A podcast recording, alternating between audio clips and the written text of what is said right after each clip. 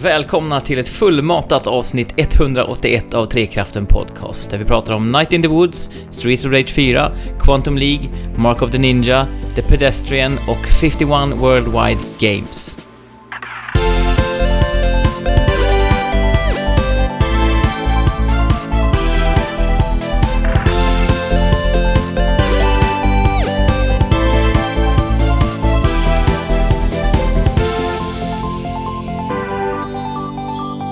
Hej kära lyssnare, ta den här. Det är farligt att gå ensam. Ni kan ta en Fabian, varsågoda. Ja, hej! Ni kan ta en Andy, varsågoda. Ja. Hej. Och ni kan ta en Jesper i hand också. Varsågoda kära lyssnare. Ja, Nu är vi tillbaka här hörni. Vi sitter här och ni sitter där och lyssnar. Det är liksom som en eh, sån här... Eh, jag tänker mig som en ring, en cirkel på en mjuk matta ungefär. Vi sitter och håller varandra i hand i en ring. aha. En spelklubb. Ja, Jag fick... Alltså jag såg ju framför mig att vi skulle ut på äventyr liksom med eh, den som lyssnar och hålla i handen och, och hålla denna trygg. mm, men vi måste börja först i det lilla, Ja. i det trygga och sen så ger vi oss Visst. ut i den stora världen. Så funkar det ju alltid Vi planerar. Så är det. Planerar nu. Det är sant. Precis. Välkomna till Trekraften hörni allihopa. Ehm, idag har vi en eh, trio, Mm. faktiskt. Eh, förra gången var jag och Ja. Fabian eh, på egen En hand. duo. Mm. Då tyckte jag att vi eh, fick till en eh, mysig podd och det ska nog bara bli ännu bättre nu när vi får med Andy Pandy tillbaka också. Exakt. Mm. Jag tyckte ni gjorde det bra. Jag redigerade ju... Gjorde jag det? Nej, det gjorde du inte. Nej, det gjorde jag inte. Det var du som Nej, gjorde det gjorde du inte. Jag är så van att redigera. Men jag lyssnade på er. Ja. Jag tyckte det var... Mm, bra. det varit bra. Men alltså som sagt så eh, förra gången så, mm, had, så höll vi ju faktat att det kanske inte skulle gå så bra framöver med Trekraften om jag och Jesper inte liksom klatschar. Nej, precis. Det var en väldigt intressant diskussion ni hade där. Men vad tycker du? Alltså, du som utomstående som lyssnade, fick vi, vad fick vi för betyg? i- Ja, men jag tycker vi ändå fick ett kvitto på att ni ändå är riktiga vänner. Skönt. Det är inte vi, Åh. det, eller det är inte jag eller Alex som håller er ihop, utan ja, jag tror att ni klarar Nej. Ni Vad klarar er. härligt. Och det har ju faktiskt fått ringa på vattnet för att jag och Jesper har ju spelat många gånger sedan eh, vi spelade in Många gånger? Vilket vi inte har gjort tillsammans. Ja, Mm. eller hur många gånger är det? Minst tre, Ja, men-. Fyra, tre, fyra. Minst, Mm. minst tre. Ja, men det är många. Mm. Ja, det är Det många. är fler än ett par. Vi har spelat eh, Overwatch, hoppat tillbaka till Overwatch tillsammans eh, och Ja. vi har spelat Quantum League och Quantum League kommer vi in på lite senare i, eh, i avsnittet. Så det har varit riktigt härligt. Och I och med att Fabian jobbar natt och jag jobbar hemma och har liksom, ja men lunchen är liksom helt alltid en timma av eh, möjlighet att göra vad man vill och då har vi eh, spelat tillsammans. Så det har varit riktigt skoj. Lunch-OV Mm. Mysigt. Är någonting att se fram emot. Ja, det var ju också någonting som vi gjorde varje dag på kontoret eh, på eh, Stora Essingen i Stockholm när jag jobbade eh, där med det förra projektet som heter Respect All Compete. Då Mm. spelade vi alltid Overwatch minst tre, fyra stycken på varje lunch. Det var riktigt härligt. Jag kommer ihåg första gången jag träffade dig och var på ert kontor och du berättade det här och det låter bara som, liksom, där var jag ju grön av avund. Mm. Nu får du vara med i den innersta cirkeln här. ja. Och eh, vi kommer faktiskt eh, gå tillbaka till vår vana idag. Det vill säga att vi har spelat in en massa grejer och kommer prata mestadels om det. Men vi ska börja lite grann i andra änden. Eh, och jag tänker vi börjar i den mer all, allvarliga änden. Eh, och det var ju, eh, vår nyhetsjingel som plingade till där tydligen. Precis. Ja, men sagt, vi börjar lite mer i den allvarliga ämne, änden. Det vill säga att eh, det här eventet för eh, Playstation 5 som skulle ha varit, där man skulle ha visat, eh, ja men förmodligen hur konsolen ser ut och, och sådana här detaljer som vi har väntat på, eh, har ju bekräftats bli uppskjutet nu på grund av eh, situationen i USA med eh, stora protester mot eh, ett, eh, ja men, ett regelrätt mord egentligen kan man väl kalla det. ehm, Mm. Från polisens Och- sida. Och, Och i förlängningen strukturella rasismen. precis. Och det som har resulterat då i att bägaren runnit över och att det har blivit stora protester. Så att eh, det finns ju frågor som är större än, än tv och datorspel, även om det är en Jo. stor viktig del i våra liv förstås. Så känner i alla fall jag att ehm, även om man är sugen på att få veta mer om Playstation 5 så känns det som en trivialitet i jämförelse med, Ja, med detta. ja det är att, inget eh, snack om det. Men det var, det var lite så här i, i, typ i måndags när jag vaknade så här. Då bara, Åh, vad har vi för vecka framför oss? Så tänkte jag, ah vad kul. Nå- någonting så här man har sett fram emot ändå. Äntligen ska vi få se Mm. på torsdag då med Playstation Ja, 5-eventet. precis. Just med hela pandemin nu också så där, så. Men alltså som du säger Jesper, det, det, det är ju liksom en självklarhet att det finns viktigare saker. Och vi ser också många spelföretag, alltså Bethesda Nordic var en av de första jag såg i morse, som är min gamla arbetsgivare som också gick ut och eh, eh, ja, tog ställning och, och många har ju också eh, skjutit upp eh, till exempel uppdateringar och sådana saker i eh, ja, Call of Duty till exempel och eh, Mm. flera stora spelföretag har sagt att ja, men vi släpper inte det här nya innehållet just nu för vi vill inte att eh, egentligen mediabilden ska domineras av, av Nej, Nej, någonting precis. annat än just eh, lyfta eh, ja, problematiken och vad protesterna vill uppnå. Så att det är väl eh, det är fint att branschen tar eh, sitt ansvar, även om det alltid är lite svårt med varumärken. Man vet inte riktigt hur man ska förhålla sig till när varumärken Nej, precis. tar ställning, men... För dem, eller uh, Playstation, just Sony har ju gått ut och varit väldigt aktiva i det här redan från första början liksom. Mm.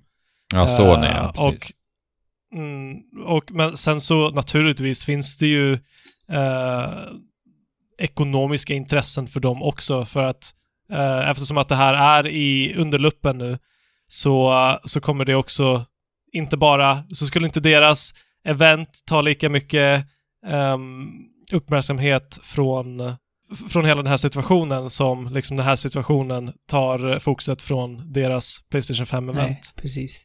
Så att det är ju så också. Men det ska ju fortfarande verkligen ges kudos att de liksom ger det utrymmet. Ja, jag tror att alla är lite besvikna liksom att inte få se nya generationen så tidigt som vi ville. Men Det kommer. den besvikelsen är ju bara en liten, liten Ja. fjärt. Ja, och man får ju hå- hålla båda tankarna i huvudet samtidigt. Man får ju lov att Ja. både vara besviken och tycka att det är rätt beslut. Ja, Ehm, precis. Och, men jag, jag lever ju mycket hellre i en värld där spelföretagen är, alltså gör det här av i någon mån egen vinning än att det inte görs alls. För jag menar, det, Exakt. det är ju inte, alltså det är ju en jätteviktig del för många företag nu att vara socialt medvetna, för det är något som konsumenter tittar på när de ska göra sina Mm. val. Ja. Eh, men, och så var det ju inte för tio år sedan. Och det, jag föredrar ju verkligen det här. Jag menar, Bethesda i samband med eh, släppet av Wolfenstein tryckte ju också hårt på Just det. eh, antinazism och så. Eh, så det, det blir ju nästan som en marknadsföringsverktyg och det kan ju bli klibbigt som sagt, men återigen, är, står valet mellan det och att inte ta ställning alls så vet jag ju vad jag väljer. Ja. Jo, men alltså jag tycker speciellt eftersom att världen nu ser ut så som den eh, gör idag så är det ju gött att det finns en eh, finns enande krafter. Mm. En annan enande kraft som dock inte har uttalat sig så himla mycket i den här frågan, vad jag har kunnat se i alla fall, utan att vara tvärsäker, för jag har inte letat jättenoga, eh, är ju Nintendo och de enar kanske på andra sätt genom att skapa glädje och samhörighet och Ja, vi har ju fått se lite smygbilder nu från den här, eh, eh, det här som Nintendo håller på och kokar ihop i Osaka, det vill säga en park, en temapark. En sån här dröm man har haft hela sitt liv i princip sedan man var barn, att tänka få gå runt i en så här, som Liseberg fast eh, det är bara Nintendo-grejer överallt. Som Disneyland. Ja. Och nu har vi fått se lite sneak peeks, alltså lite, vad heter det, drönarbilder. Ovanför. Ja, Och de har kommit långt. Mm. Det går framåt. Ja. Hur känner, vad är, vad är liksom er känsla i kroppen när ni ser de här bilderna?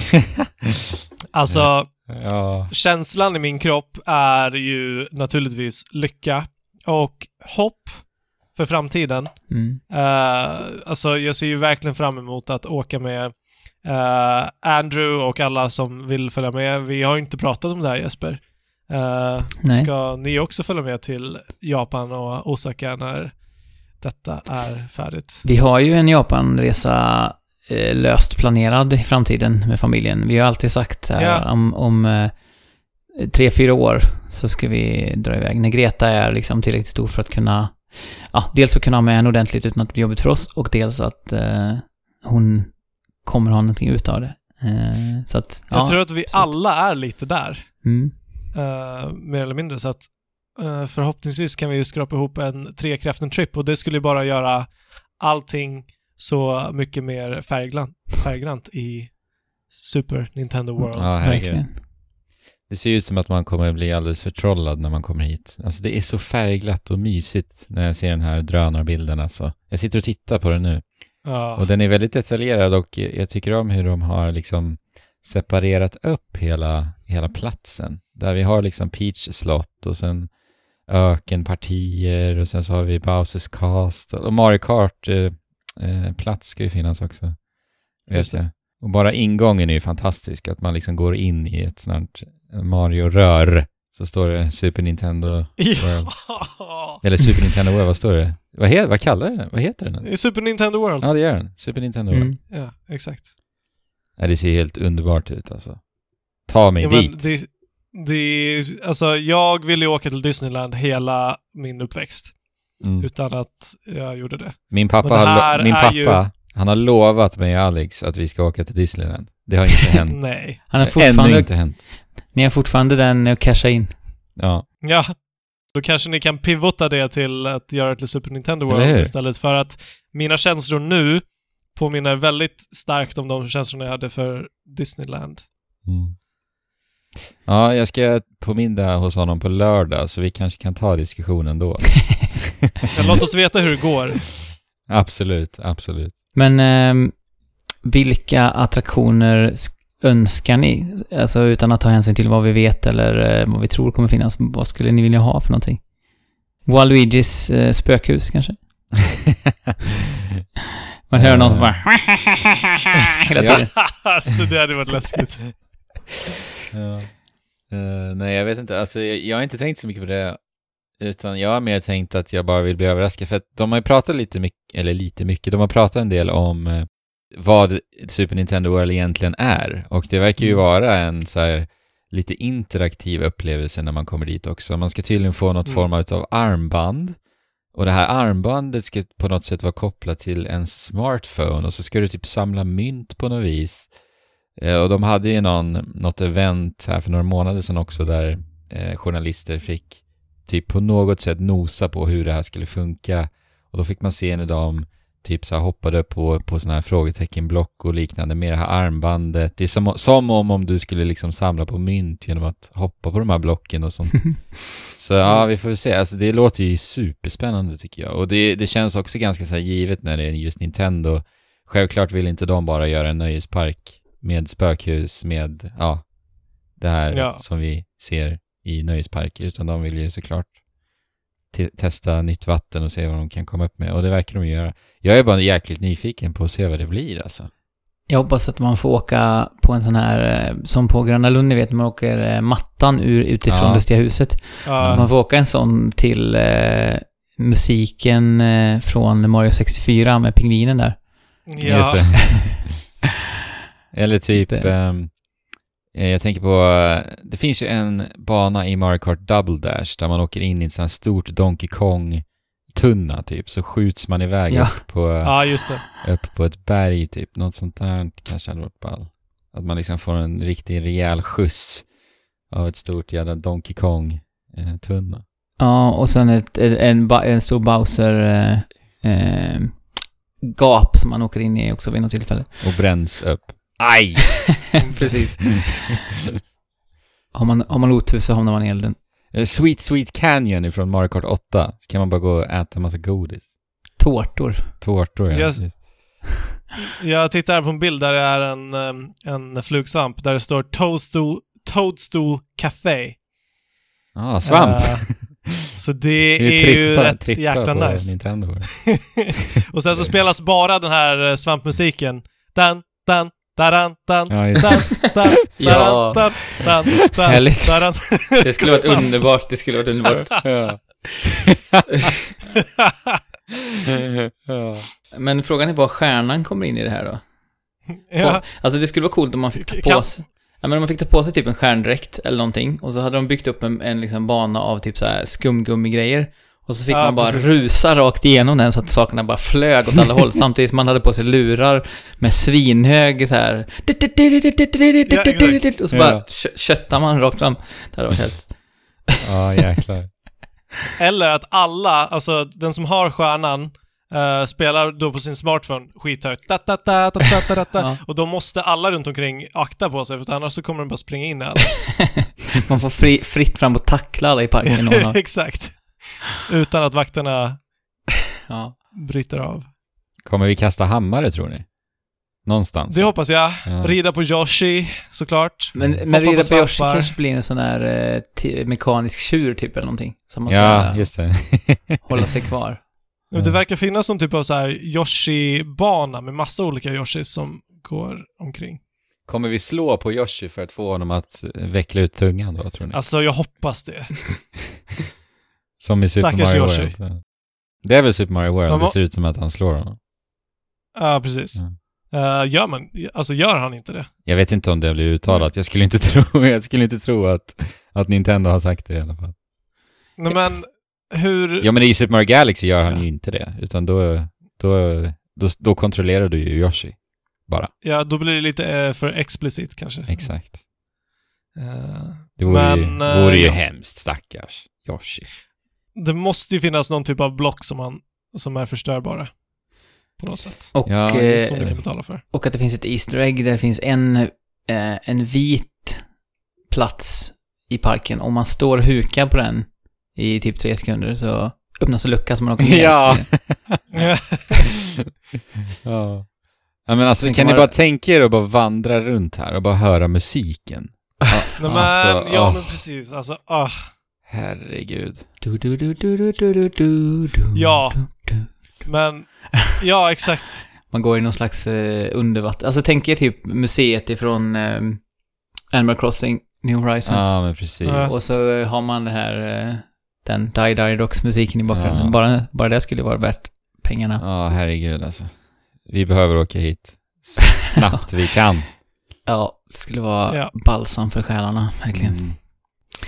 Ja, Nintendo Land eh, 2024, here we come. yes! Ja. Gäller att ha framförhållning. Ja. Ska vi mjuka oss in i eh, vad vi har spelat med Animal Crossing New Horizons uppdatering? Absolut. Eh, Fabian får eh, svettpärlor av ångest i pannan. det är faktiskt sant! Jag tänkte bara, åh nej, åh nej, åh nej. Du vill inte att vi ska ta upp det här, eller? För att då blir Nej, du jag påmind. tänkte att ni kanske inte skulle fråga, fråga mig. Nej, precis. Eh, det senaste jag gjorde var att jag ehm, gick in för att skicka en fotboll till Jesper för att Mm. han hade byggt en, nu spoilar jag lite av Ja, din historia Jesper. Eh, du hade lagt ner sk- blod, svett och tårar på att bygga en, en fotbollsplan, en fotbollsarena som såg helt fantastisk ut. Tack. Men så såg jag där att du inte hade en fotboll utan en volleyboll som låg där. Ja, det var det bästa jag hade. Och jag visste ju med mig att jag hade eh, en fotboll, så att jag kände ju att jag eh, ville ge en riktig fotboll till Jesper. Ja. Och det var första gången jag eh, em, hoppade in i Animal Crossing på typ en och en halv vecka. Eh, och det var också senast jag gjorde det. Och medan jag gjorde det så bara sprang jag fort som attan från mitt hus in till, eh, in till Town Hall där och hoppades att ingen av mina, mina öbor skulle se mig. Blicken Så- fast eh, riktad framåt. Ja, ibland springer jag efter en eller liksom går runt och spatserar där, men uh, lyckligtvis så såg ingen mig. Men ju längre jag skjuter fram det, desto jobbigare kommer det bli. Så att det är ju bara att dra tummen ur bakändan. Eller så ignorerar du dina för alltid nu. Det är de enda två valen du har. Antingen måste du ta hand om det, eller så kan du aldrig mer visa dig där igen. Ja.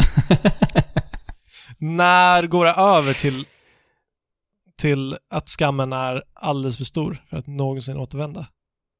Det är snart.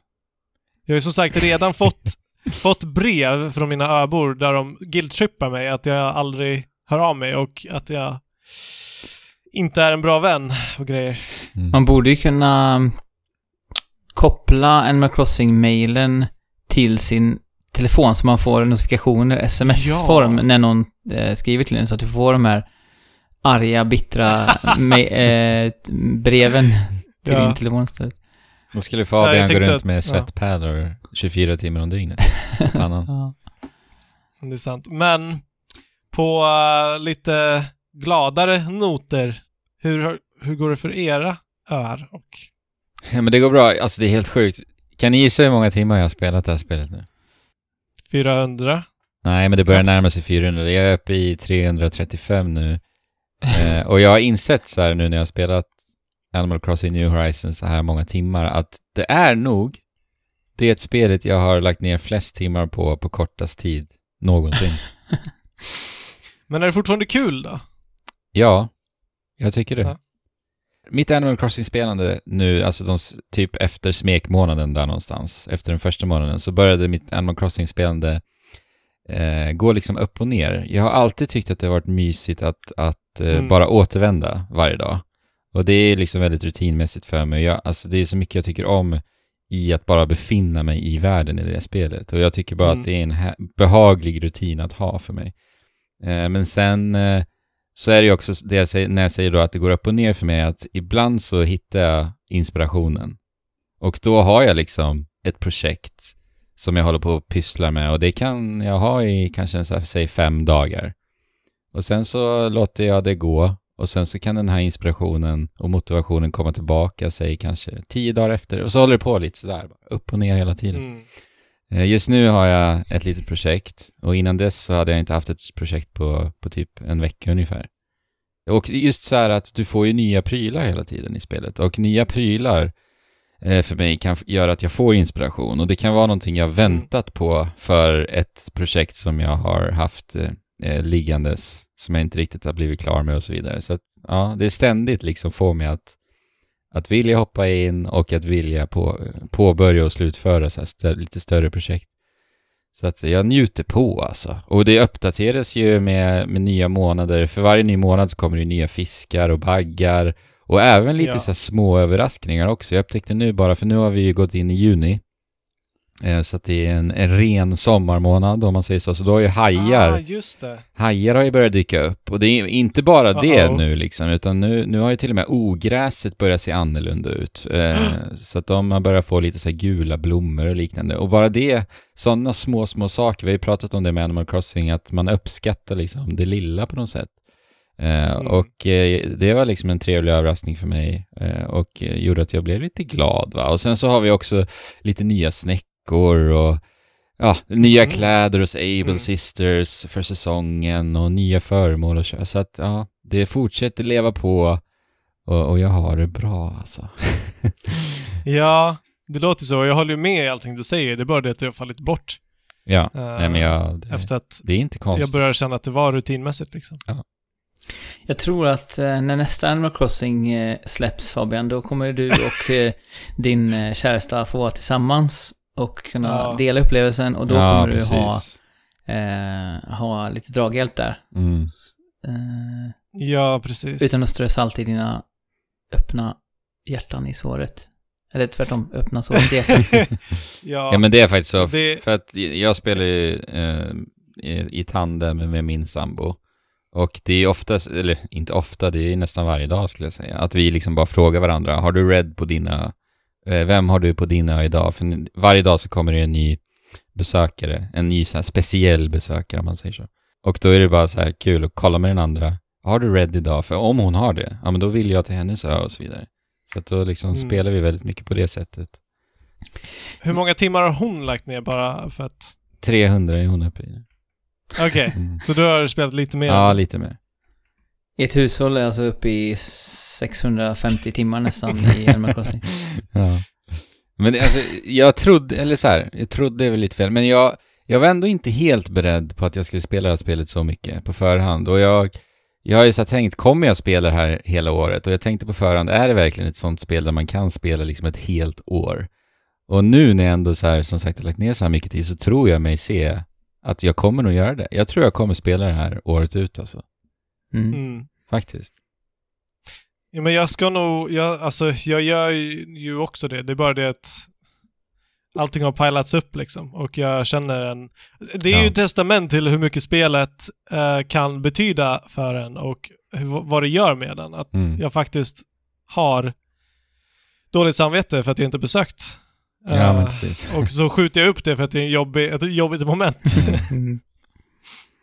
Säg till Ja, om du nej, vill ha hjälp Fabian. Ja men skulle, skulle vi inte kunna ha en så här get together i, på min ö där Ja, alla hjälps åt och absolut. rensa lite ogräs och... Ja, Arbets- liksom jag liksom. är, Ja, jag är super på alltså. Mm. Och jag har, Ja. jag har massa DIY-recept också, dubbletter som du kan få. Alltså jag har, Ja, jag har nice. typ 20 stycken eller någonting som bara ligger på mina... Och sen eh, så kan vi ju alla gå och turas om och så här prata med dina bybor så att de underhålls också och så här. ah, Just det. ja, det vore jättehjälpsamt alltså. Och kanske till och med att det är några från Discord som Jo men det gör skulle vi. vilja hjälpa mig Absolut. också. Hjälp Fabian Så. att hitta tillbaka till livet på ön igen. Supermysigt skulle det vara och tacksamt. Ja men det är en bra idé. Det, kanske ska streama det till och med. Det kan Ja, vara trevligt. Eller hur? Ja. Någonting tycker jag vi sätter ihop där alltså. Låt oss göra någonting med det. Men Mm. Jespers och uh, Companys ö. Precis. Ja, nej men... Eh, Elin eh, är ju, som jag nämnt tidigare, inte en stor spelare. Hon spelar ju mycket eh, eh, i perioder eh, sådär. Hon kan fastna för ett mobilspel samtidigt som hon lyssnar på ljudbok eller eh, eh, vi kan spela eh, Eh, We Party You eller liknande saker tillsammans. mycket i perioder. Men nu har, så här mycket har hon ju aldrig spelat ett spel någonsin förut tror jag. Eh, hon, eh, hon är ju inte uppe i liksom Andrew och eh, Filippa-nivåer, men eh, ändå liksom, hon spelar varje kväll. Eh, jag kommer liksom ner efter läggning eller kommer hem efter träning och så sitter hon med switchen. Eh, och det har jag aldrig upplevt riktigt förut, så det är jättemysigt verkligen. Och som Ja. jag sa, hon, hon drar ju också mig framåt, för jag tror att jag också hade tappat av inte för att jag inte tycker om spelet eller att jag är trött på det, men det är mer så här liksom att första tiden var så intensiv och så kommer andra saker man spelar och så. Men, men hon är så himla duktig på att, eh, ja men hon liksom har det som en sån här liten eh, kvällssyssla. En mysig grej som hon liksom bara så här går in och checkar läget lite. Och sen så får hon, precis som du säger Andrew, ibland så här för sig att, ja men hon gjorde till exempel nu, vi flyttade vår eh, eh, Nooks Cranny eh, till, vi gjorde, vi gjorde en strandpromenad tillsammans. Vi satt ju, det sa jag för avsnittet tror jag, vi satt en hel fredag kväll och bara fixade vi Mm. gjorde hon i vår strandpromenad med butikerna och då, där vi flyttade den ifrån, blev det ju en tom yta. Och där gjorde hon nu en bubbelpool med lite så här kuddar runt och trädäck Nej. och staket och liksom Ja. satte Mysigt. tuggummi-maskin bredvid och så här. Ja, jättemysigt. Så eh, hon har gjort det, jag har gjort min fotbollsplan som sagt. Eh, Mm. Fabian gjorde, gjorde mig komplett där. Och det gjorde jag sån här brittisk, jag gillar brittisk fotboll. Eh, så jag gjorde så här, eh, ni vet, eh, bricks, brickwall runt omkring liksom. Ja, just det. Och sen eh, har jag satt in sådana säten också, ni vet det finns ju så här färgade typ plastsäten. Ja, man kan, precis. Ja. så jag har satt dit eh, åtta sådana. Eller åtta, alltså fyra sådana men med två säten på varje. Har du en whiteboard? Ehm, nej, jag har inte det. Det finns, jag, jag kan skicka en till dig, så kan du sätta Ja. där också. Kanske borde ha. Ja. Fotbollsträningar. Precis, man ritar upp. Mm. Och sen ehm, har vi ju gjort i, ordning, gjort i ordning vår campingplats. Den ligger nu högst upp till höger, upp, eh, uppe i skogen. Och där har vi liksom Uff. satt bara så här naturliga saker. Ehm, typ så här träbänkar och eh, eh, jag hittade ett trangiga kök på ett ställe. Mm. Eh, och en cykel står där också. Det är väldigt mysigt. Härligt. Ehm, så att det, det puttrar på hemma hos oss också. Ehm, och eh, jag måste vända min uppmärksamhet till mitt hus nu snart, för jag har ett, ett arkadrum där jag hittade en sån här, eh, jag vet inte om ni har sett den tapeten, det är en sån här interaktiv tapet, så kallar det. Eh, en åskig, regnig eh, storstad ungefär. Nej, det Eh, sett. sett. Det, det liksom åskar och regnar hela tiden på planeten, eller på planeten, på tapeten. Eh, och så är det en stad i bakgrunden. Och det har jag liksom satt in i mitt arkadrum. Det sätter stämningen på ett väldigt härligt sätt där. Eh, sen har jag ju en klädbutik i, det sa jag sa senast Ja, också, en klädbutik i källaren. Där jag hittade ett Just omklädnings, sån här, om, omklädningsrum, ombyteskur som jag satt in. Mm. Och bytt en stereo där, för nu har jag den här um, vintage-stereon som ser ut som den är i typ en, en eh, gammal resväska som man fäller upp. Mm. Eh, den står där nu och spelar, eh, vi ska säga KK, vad heter den då? Funk tror jag den heter. KK Funk. Eh, Ja, eller någonting sånt. Mm. Ehm, och sen har jag ett, ett sport, eh, alltså min vind är eh, sportrummet, så där har jag massa träningsutrustning. Men jag måste sortera upp lite i mina rum. Ehm, men eh, ja, Mm. som sagt, det är en, en hel, kvällsrutin som, som är väldigt mysig. Barnen då? Tycker de om det? Eh, ja, de spelade väldigt mycket första veckorna. Nu har de tappat lite, men Greta, det är ju Gretas första spel, liksom som hon, som hon verkligen, konsolspel som hon spelar. Eh, Mm. Och hon, som, hon, som hon liksom ber om att få spela själv också. Just det. Eh, och just bara hur hon uttalar Animal Crossing är ju väldigt gulligt också såklart. Hon är ju bara tre och ett halvt, snart fyra. Hur är det då? Nej, jag vet inte, men hon säger Animal Crossing, Animal Crossing. Ja, okej. Hon tar lite västgötska har hon också. Mm. Ehm, mm. Mm. Ja, men det, har, du, har du varit eh, hos eh, Cyrus and Reese? Alpackorna? Bröllops... Ja, precis. Nej, jag har inte hunnit det ännu. Eh, Det var faktiskt ganska roligt event, eh, måste jag säga. Eh, Vad, vad var det för event? Ja, men Cyrus and Reese är ju gamla, gamla älskade Animal Crossing-karaktärer. För mig är ju de här helt nya, men de är ju gifta. Och då så ska vi besöka Harveys ö, den här hunden som man träffar Mm. tidigt i spelet. Eh, och då ska man då ehm, låna hans eh, fotostudio för att eh, fota deras bröllops... Eh, vad he- Ja. Anniversary, vad heter det på svenska? Ja, Jubileum. Jubileum, precis.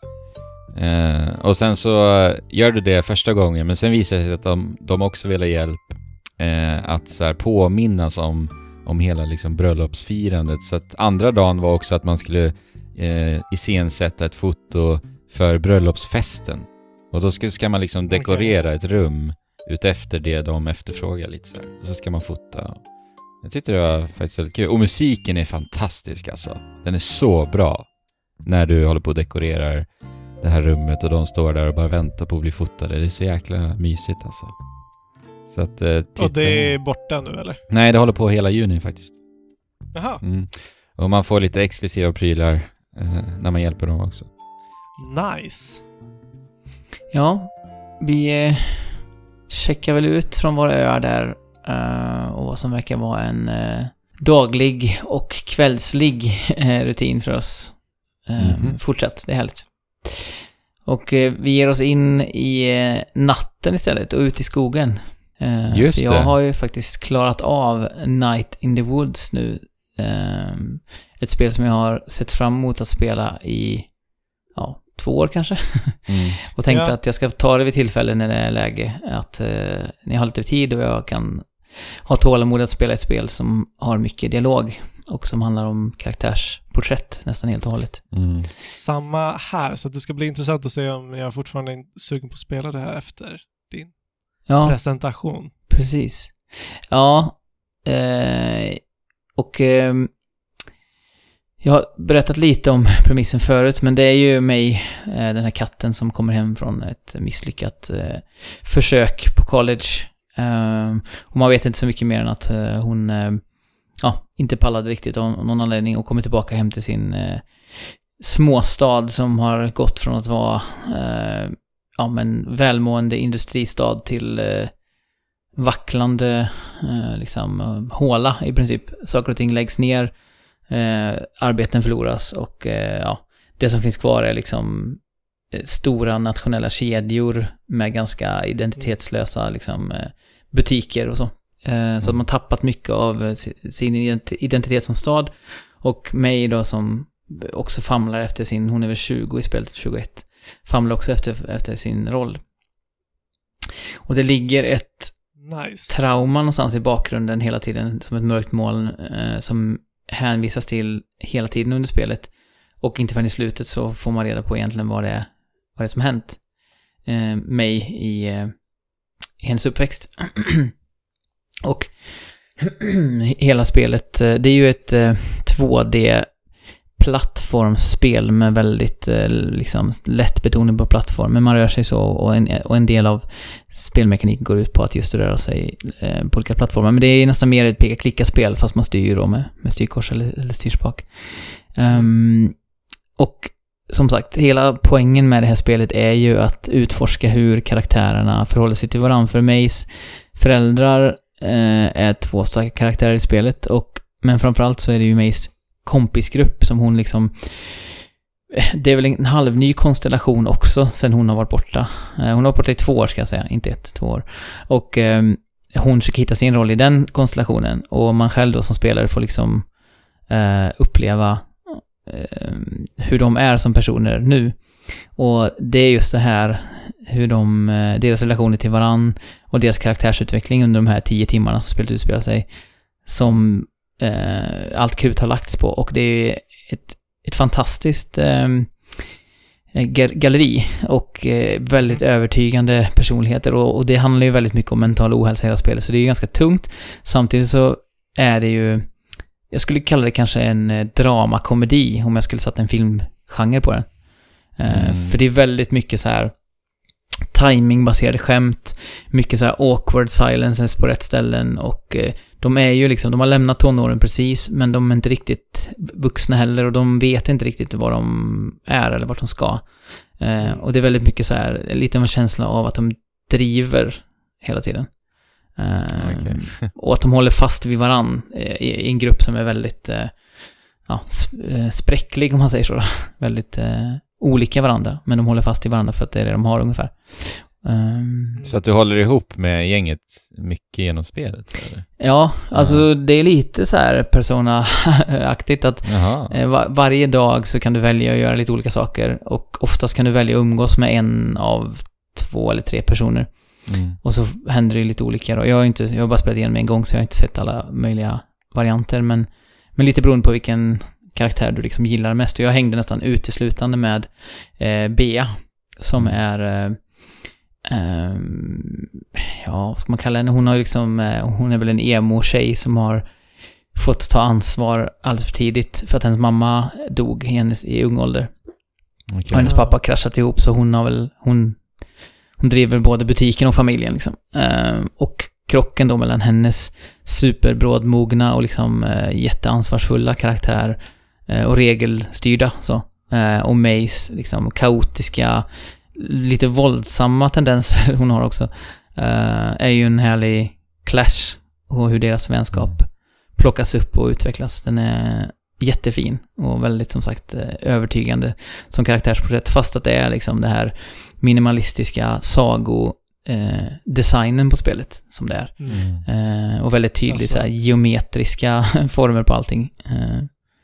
Jag tycker presentationen är väldigt tilltalande ja. med med, med alla enkla former, men framförallt med uh, alla färger som verkligen poppar. De har Precis. hittat en, en uh, härlig design. Jag gillar animationerna på bara pratbubblorna när så här texten ja, rabblas precis. upp. Liksom.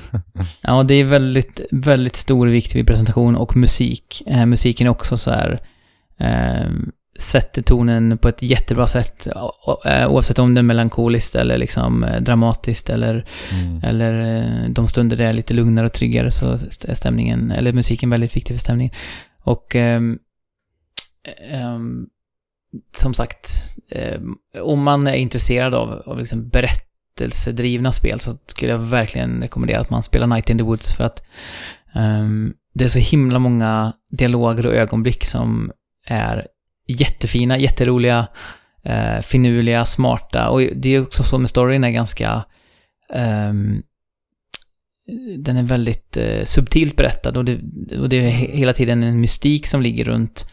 Men man får svaren på allting i spelet utan att det skrivs på näsan liksom, på ett väldigt eh, härligt sätt. Man går runt med mycket frågor genom spelet, men eh, liksom det droppas hela tiden allt, allt längs resan. Eh, liksom sanningar och eh, fakta som man liksom har gått och funderat på i flera timmar. Och i många fall så blir det ju också ganska starkt då. Man får reda på, att ja. det här är den här karaktärens motivation. Det är därför den har agerat så här. Mm. Um, och... Eh, ja, men och att det får växa fram på ett mer eller mindre organiskt vis. Precis. Eh, låter som att de har hittat en, en liksom, ett tillvägagångssätt som eh, också passar den här typen av spel.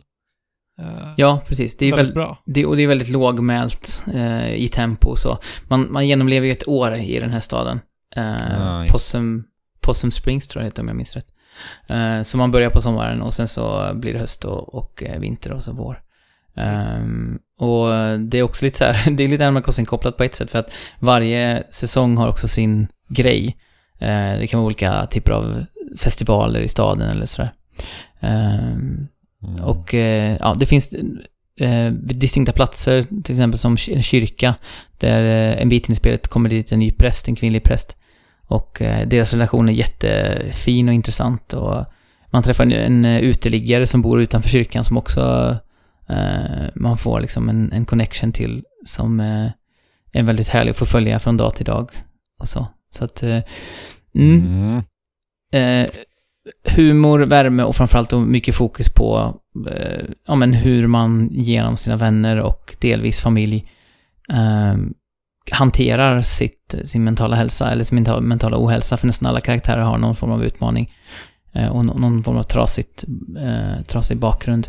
Och det är också så här, två av karaktärerna, det är två eh, manliga karaktärer, de bor tillsammans. Eh, jag tror mig pratar om att så här, det spelar ingen större roll om, om jag träffar en eh, tjej eller kille så länge de har de här personlighetsdragen som jag, som jag Ja, går igång på liksom. Och, så, så, och det är väldigt mycket så här, det är eh, väldigt inkluderande i sitt tilltal utan att vara ehm, alltså det är bara, det bara tas för givet att så här är det i den här världen. Ja. Ehm, det skrivs på ett väldigt smart sätt så... ehm, mm. Mm. Jag, jag, jag har tänkt på spelet jättemycket efter, eh, efter, efter texten rullade och det är väl liksom precis det som den här typen av spel ska uppnå. Eh, lite som Gone Home till exempel också. Mm. Som eh, kom, liksom följer med en vidare. Ja, jag, det, man vill nästan göra en spoilercast på, på det här spelet för just eh, eh, scenerna framåt slutet på spelet betyder så mycket för, att, för allt man har upplevt och, och det blir ganska så här, Mm. det blir också ganska eh, det går ifrån det vardagliga och blir väldigt dramatiskt framåt slutet eh, utan att säga för mycket för, Mm. för Fabian. Men hur Eh, långt? Hur lång tid tog det Ja men tio timmar ungefär. Ja, det är ändå så pass alltså.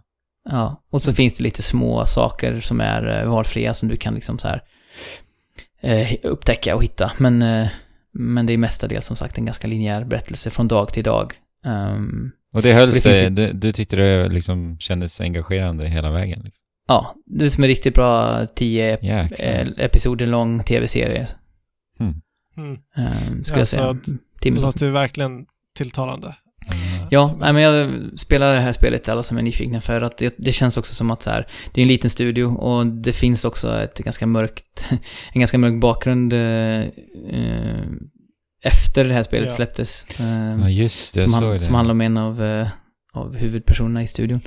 Ehm, som, Okej. som själv brottas med, eh, med psykisk ohälsa och det tog sig väl uttryck i att han bland annat, eh, ja men, vad ska man säga, attackerade eller liksom, eh, jag vet inte vad rätt term är. Assaulted är ju den, en, en, den engelska termen. Eh, men sin partner Mm. i alla fall. Eh, och hon, eh, hon pratade om det offentligt sen och till slut så Mm. eh, tog han självmord, den här mannen då. Eh, Va? han blev ju också, han, de blev ju också ja, sparkade från studion och de tog väldigt stort avstånd från honom när de här uppgifterna kom ut. Ehm, så det här visste jag inte innan jag spelade spelet, men det... När man spelar spelet med den vetskapen så... Eller man förstår varför de kan skriva karaktärer som har brottats med psykisk ohälsa på ett, på ett så övertygande sätt. Eh, Ja, det- just, det- just när du ja. säger att det är en så liten det studio. makar sense, för man förstår att de här personerna själva har Ja. gått igenom liknande saker när, när man spelar spelet. Mm. Ehm, men det finns som sagt, Oj. det finns jättemycket värme i spelet också. Det är det som är så fint. Alltså karaktärerna är, ehm, är väldigt varma och man, man känner med alla karaktärer, även de som har uppenbara liksom eh, stora brister och är trasiga. Ehm, Mm. så att Fabian, jag skulle verkligen eh, eh, rekommendera att sätta dig i liksom någon session, någon längre session och bara sjunka in i det nu. Eh, för du har ju spelat lite grann, eller hur? Nej, jag har inte ens eh, startat det, men jag har det tillgängligt så att eh, jag kan starta det när jag vill. Ja. Så att det är bara att göra. Det är bara att Gört. göra. Det är bara att göra. Från Det natten i låter verkligen superintressant. Ja, jag tror att du kommer gilla det. Definitivt. Ehm, Vi får se, ja, vi ska inte lova saker och ting i onödan. Nej, men jag tror det. eh, Spoilercast kanske är, eh, lämpar sig för det här spelet. Ja, det skulle vara härligt. Eh, eventuellt. Åtminstone en, en minivariant där vi diskuterar liksom ehm, huvuddragen och slutet. Mm. Men eh, från natten i skogen till en annan, jag vill säga varelse som tycker om att röra sig i natten. Ninjor. Och just oh, varelse. Ja, jag vet inte om det är en varelse, men en eh, yrkeskategori Ja, kan man ju kalla det. Yrkeskategori. just det. Intressant Ninja- med att säga att ninjor är varelser. Det var aldrig människor, utan... Nej, alltså de är väl nästan övermänskliga med tanke på hur eh, eh, slipade Limbo. deras eh, sinnen är. Ja, alla, Men åtminstone, alla ninjor är det. ja. Ja. Och, men det, ni, ninja-yrket är ju kanske inte det som har störst efterfrågan just nu. Men det finns en ninja som eh, är aktuell och det är ju eh, Mark, Mark heter han va? Mark Eller hur? Ninja. Mark. Som har fått en remaster. Som har fått en remaster. En, en, eh, vad säger man? Renovering har Mark fått. Precis. Nya... Det, vore så här, det vore så härligt om han hette Mark och han var of the Ninja liksom. Men Exakt. Ja. jag tror inte att det är det som, som Mark of the Ninja Remastered handlar om. Nej, Och han har var- faktiskt inget uttalat namn i spelet, så vi kan väl säga att han heter Mark bara. Ja, men alltså i, i sann liksom barnanda att Link är Zelda och Just det. eh, Master Chief är Halo och... Jag, jag tycker de har missat upp ett mål lite genom att inte kalla den här för Remarkstered. Remarkster ja, men den var inte ens av bra. Ninja.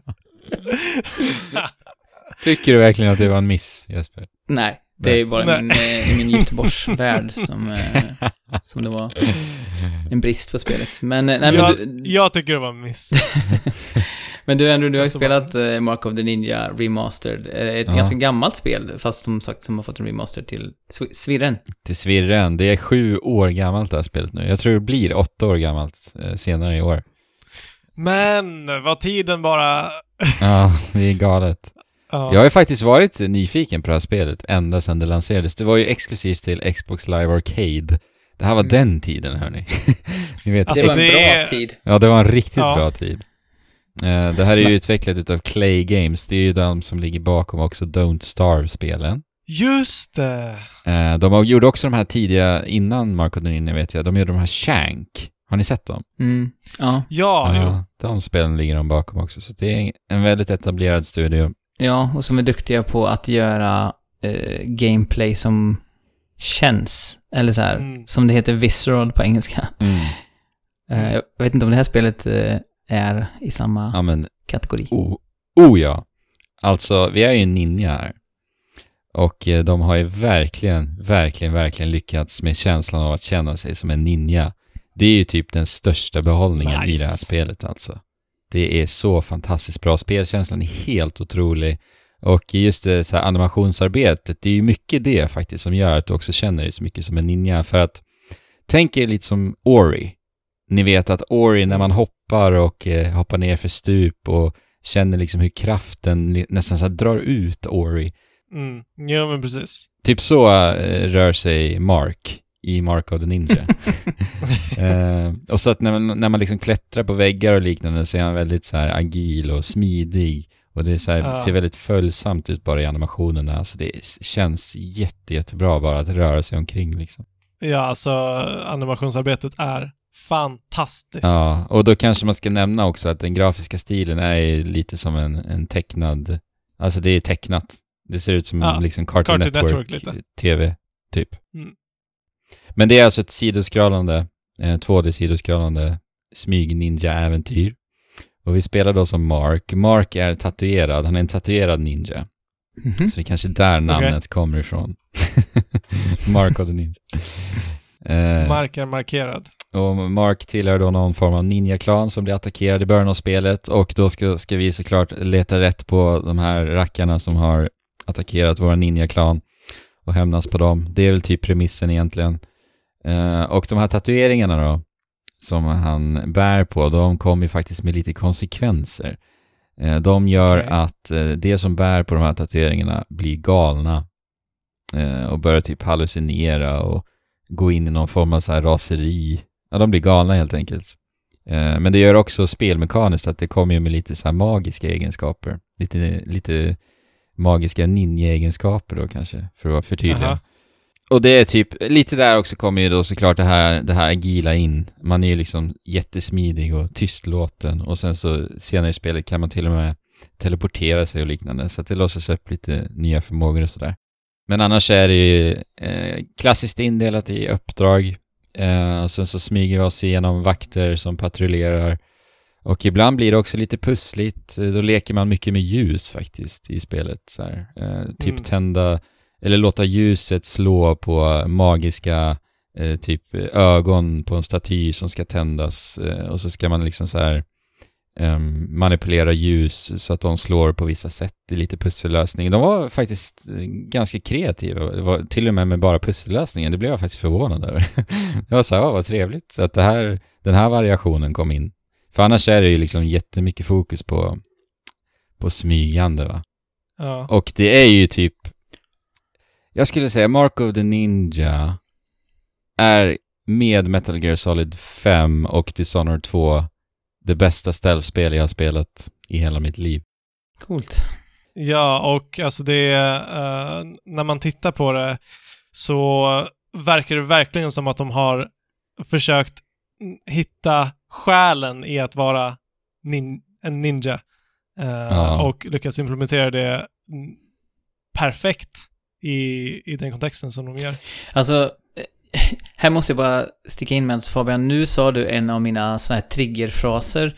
För när, jag har rätt så många sådana, eh, när jag kommer in med så här, man har sett mycket svenska humorserier, obskyra grejer, och när någon säger liksom, jag har så mycket referenser, så att i många eh, vet, samtal jag har så säger folk saker. Och då vill jag säga den här liksom citatet ifrån serien. Men i många fall Okej. så maker det ingen sens för den personen jag pratar med, så det skulle bara vara konstigt. Men här sa du att vara ninja. Ja. Och då undrar jag om någon av er Att har vara sett eh, sketchen Kalle Ninja med eh, Varan-TV. Ja, Nej. det har jag. Eller, jag har säkert sett den för att jag har sett den, men jag, Jag var kan rekommendera att ni youtubar upp den. Eh, för att det är just, eh, det är just den frasen då. Det är, det är en reporter då som pratar om att ja, Kalle slutar i skolan för att eh, uppfylla sin stora dröm att vara ninja. Ja, så. ja den är fantastisk. Ja. Kika på den som ett sidospår. Pausa podden och så kommer ni tillbaka efter ni har tittat på den. Ja, så fortsätter vi ninja-pratet här. Mm. Eh, nej men verkligen Fabian, det du sa. Och det märks här också, visst det här är ju ett 2D-spel. Eh, så de har ju verkligen så här, det är så tydligt i, i, i designen så här, okej, hur gör vi stealth i 2D? Mm. För att bara där så blir man ju otroligt begränsad. Eh, med, med 3D-djup så har du ju liksom bara hur ljud fungerar i 3D. För ni vet, man använder sig väldigt mycket av ljud i stealth-spel, så att vakter, Mm. du kan lura till dig vakter genom att skapa ljud och liknande. I 2D blir det liksom, där kapar man ju av nästan hälften av dimensionen liksom. Och det häftiga då i, i Mark of the Ninja är att de jobbar jättemycket med ljus. Och en, en så sak för mig initialt när jag började spela det var så här, bara, men okej, när du spelar ett spel i 2D, då ser du ju allt i skärmen du befinner dig. Förstår ni vad jag menar då?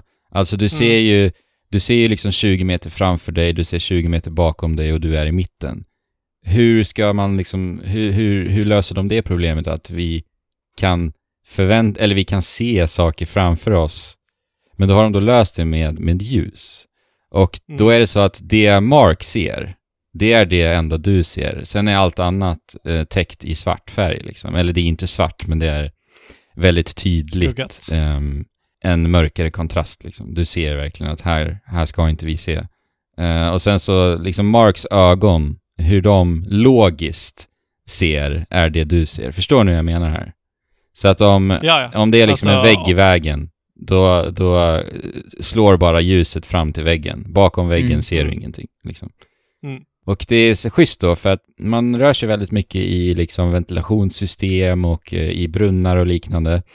Och när du rör dig i brunnar så ser du ju ingenting, för att då är du ju liksom i en brunn. Men om du liksom Mm. tittar upp med huvudet upp för brunnen, så liksom pikar det uppåt och då öppnas det upp en, en hel yta för dig att liksom titta och kika upp. Men då är du också fortfarande gömd. Så att det är en, en mekanik man använder sig av väldigt mycket. Att man bara liksom tittar in bakom dörrar, tittar upp för brunnar och liknande.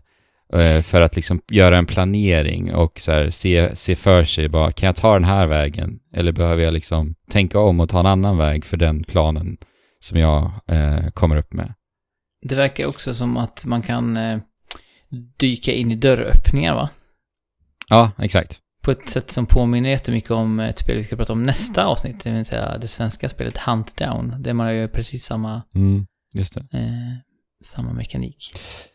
Precis, och, och sen eh, är det också det de gör så bra då eh, med just den här tydligheten. För det är väl lite det som de har lyckats så sjukt bra med, eh, att de så kommunicerar alla regler så jäkla tydligt. Och det är alltid logiskt, det känns alltid logiskt. Och alla de här sakerna är ju typ superviktiga för stealth-spel. För ni vet i stealth-spel när man förväntar sig någonting för att det känns logiskt och det inte blir så. Då blir man ju Mm. bara frustrerad och bara, men, Jo men speciellt när du har liksom uh, gömt dig i tio Exakt. minuter och sen så, sen så liksom förstörs allting bara för att uh, ja, antingen en bugg i spelet eller så är det bara någonting som inte funkar uh, tillräckligt, eller ett system som inte är tillräckligt robust. Mm. Och där har de ju också ljud, såklart, och man använder så mycket av ljud i spelet också. Och då gör de så snyggt, visuellt, att alla ljud som görs visualiseras av en så här pulserande cirkel. Ja men det är ju så bra. Ja, det är så bra. Eh, och exempelvis då kan du kasta iväg eh, små, det finns ett föremål som heter typ eh, cracking sound eller någonting. Så att det är en liten Aha. modul du kastar som gör ljud ifrån sig. Och då går man in i så här typ slow motion läge och sen så kan du fritt eh, sikta in vart du ska kasta och då ser du liksom eh, ljudvågen den kommer göra ifrån sig. Så då, Innan du har kastat den. innan du har kastat den precis. Eh, Ja, så då kan du liksom planera vart ljudvågen ska träffa något annat eh, som liksom suger åt sig det ljudet, en vakt eller liknande, sen börjar gå mot, gå mot det ljudet och då kanske du sätter upp en fälla eller liknande eller att du, du gör en sån här eh, avrättning från ovan och hoppar man ner liksom på dem och liknande. Alltså det är så mycket planering och det är alltid otroligt tillfredsställande att bara utföra planeringen just för att allting är så konsekvent och logiskt hela tiden alltså. Det, Det låter fantastiskt. det är super, super, superbra stealth-spel alltså. Men när man tittar på, du säger att det är stealth-spel. Eh, när man tittar på videos och lite så, så ser det lite liksom stealth-actionigt ut.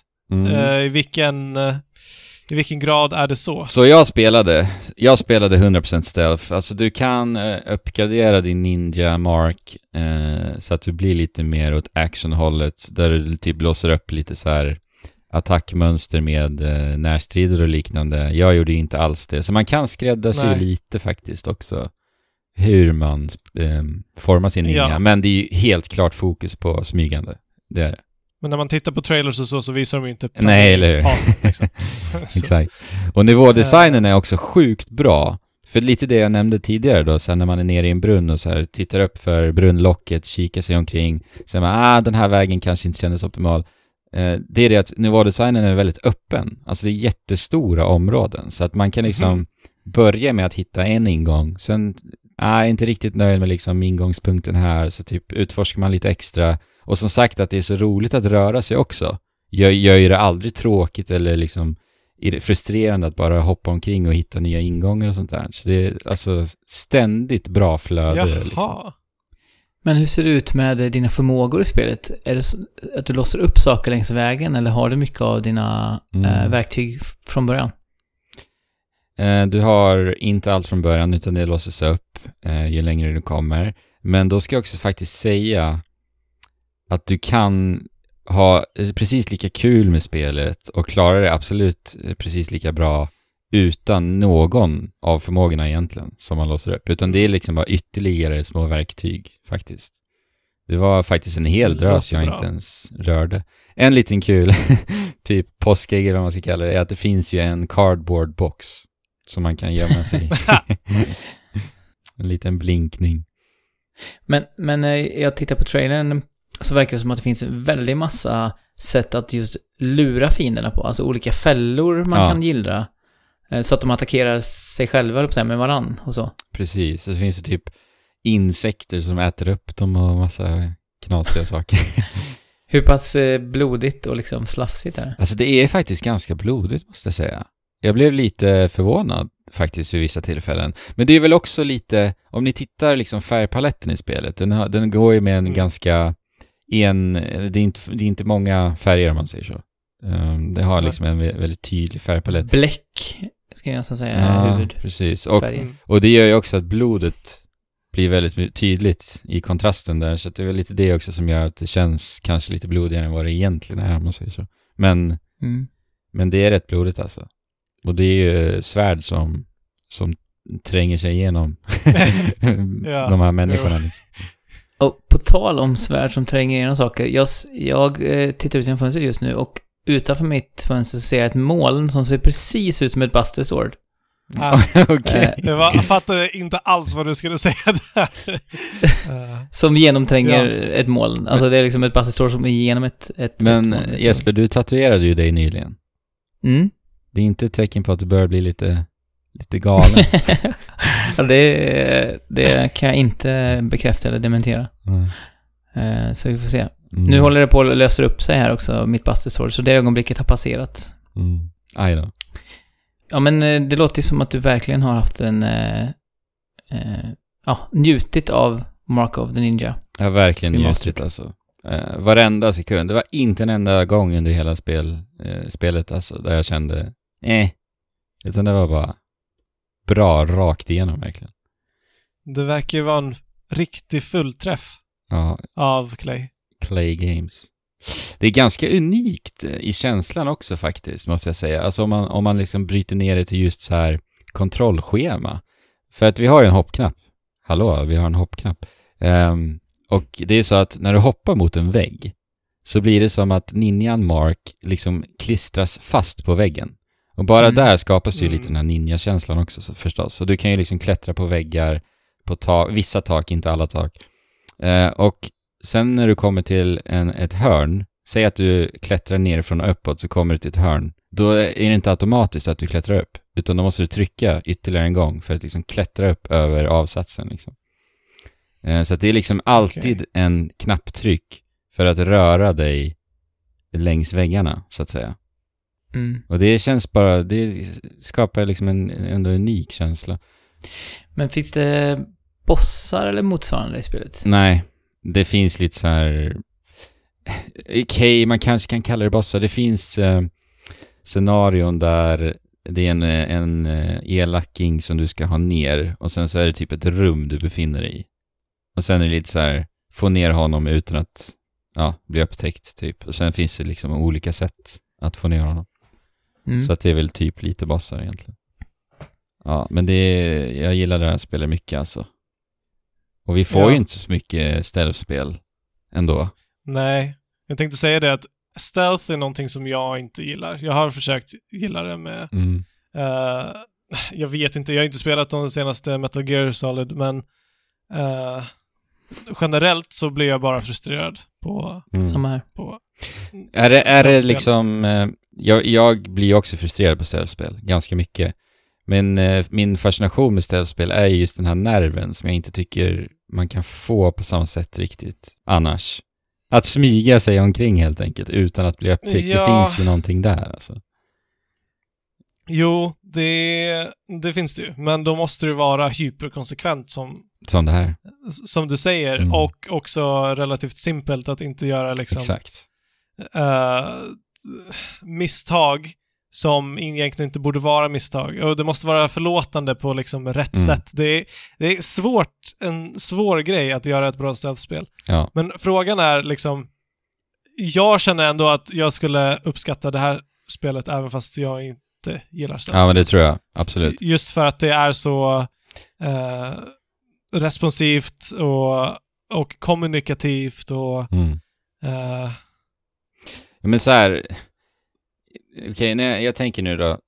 När jag dör i Mark of the Ninja, för det är väl fortfarande ett problem så jag inte riktigt har något svar på hur man ska lösa med stealth-spel. Och det är så här, när du blir upptäckt. exakt. Alltså, i Mark of the Ninja i det här spelet så då väljer jag att dö. För att laddningstiderna när du dör, jag har aldrig varit med om något snabbare. Alltså det tar typ en sekund, sen är du tillbaka. Alltså det är så snabbt. ja. Så att det, bara där har de, de i och för sig typ löst det, när jag tänker på det. Eh, så att det är väl bara dö och sen på det igen liksom. Men, ja, men du ska ju inte vilja dö. Eller i så fall så skulle de kunna designa det så att, så att du eh, nästan uteslutande dör om du blir upptäckt. Liksom. ja men grejen är ju så här, för att om, du, om jag inte väljer att dö, så handlar ju då spelet om, för att när man blir upptäckt i ett stealth-spel, så, så hamnar man ju liksom i en annan fas egentligen. Och då handlar det snarare Ja. om att att eh, röra sig bort och gömma sig för att liksom vakterna ska gå tillbaka Ja, till det sina... är skittråkigt. mönster. Det är kanske det värsta med spel, med ställspel. Mm. Ja, precis. Men, Båda då, men, sitter det, men det väntar. går ju snabbare att dö, menar jag. Så varför, Ja. varför ska jag ens ta del av det momentet? liksom. Nej, men det är som Fabian säger, man borde ju typ Nej, misslyckas direkt i så fall när man blir upptäckt. För både att sitta Ja. och vänta på att eh, vakterna ska återgå till sin AI-rutin och det faktum att de faktiskt bara så här, ja ah, vi såg en eh, lönnmördare här nyss, men Ja. nej, han har nog gått iväg nu så det är lugnt. Mm. ja, exakt. alltså, Mm. det, det förtar ju ganska mycket av stämningen också att de är Ja. så puckade att de... Men- Det skulle ju kunna vara så här att du förlorar någonting som inte liksom är jätte, eh, jättevärdefullt men som du fortfarande vill ha kvar. Eh, och att fienderna är svåra att döda men det blir liksom nervkittlande. Att det blir liksom som en From Software-strid. En duell eh, liksom. Där, på något Mm. sätt.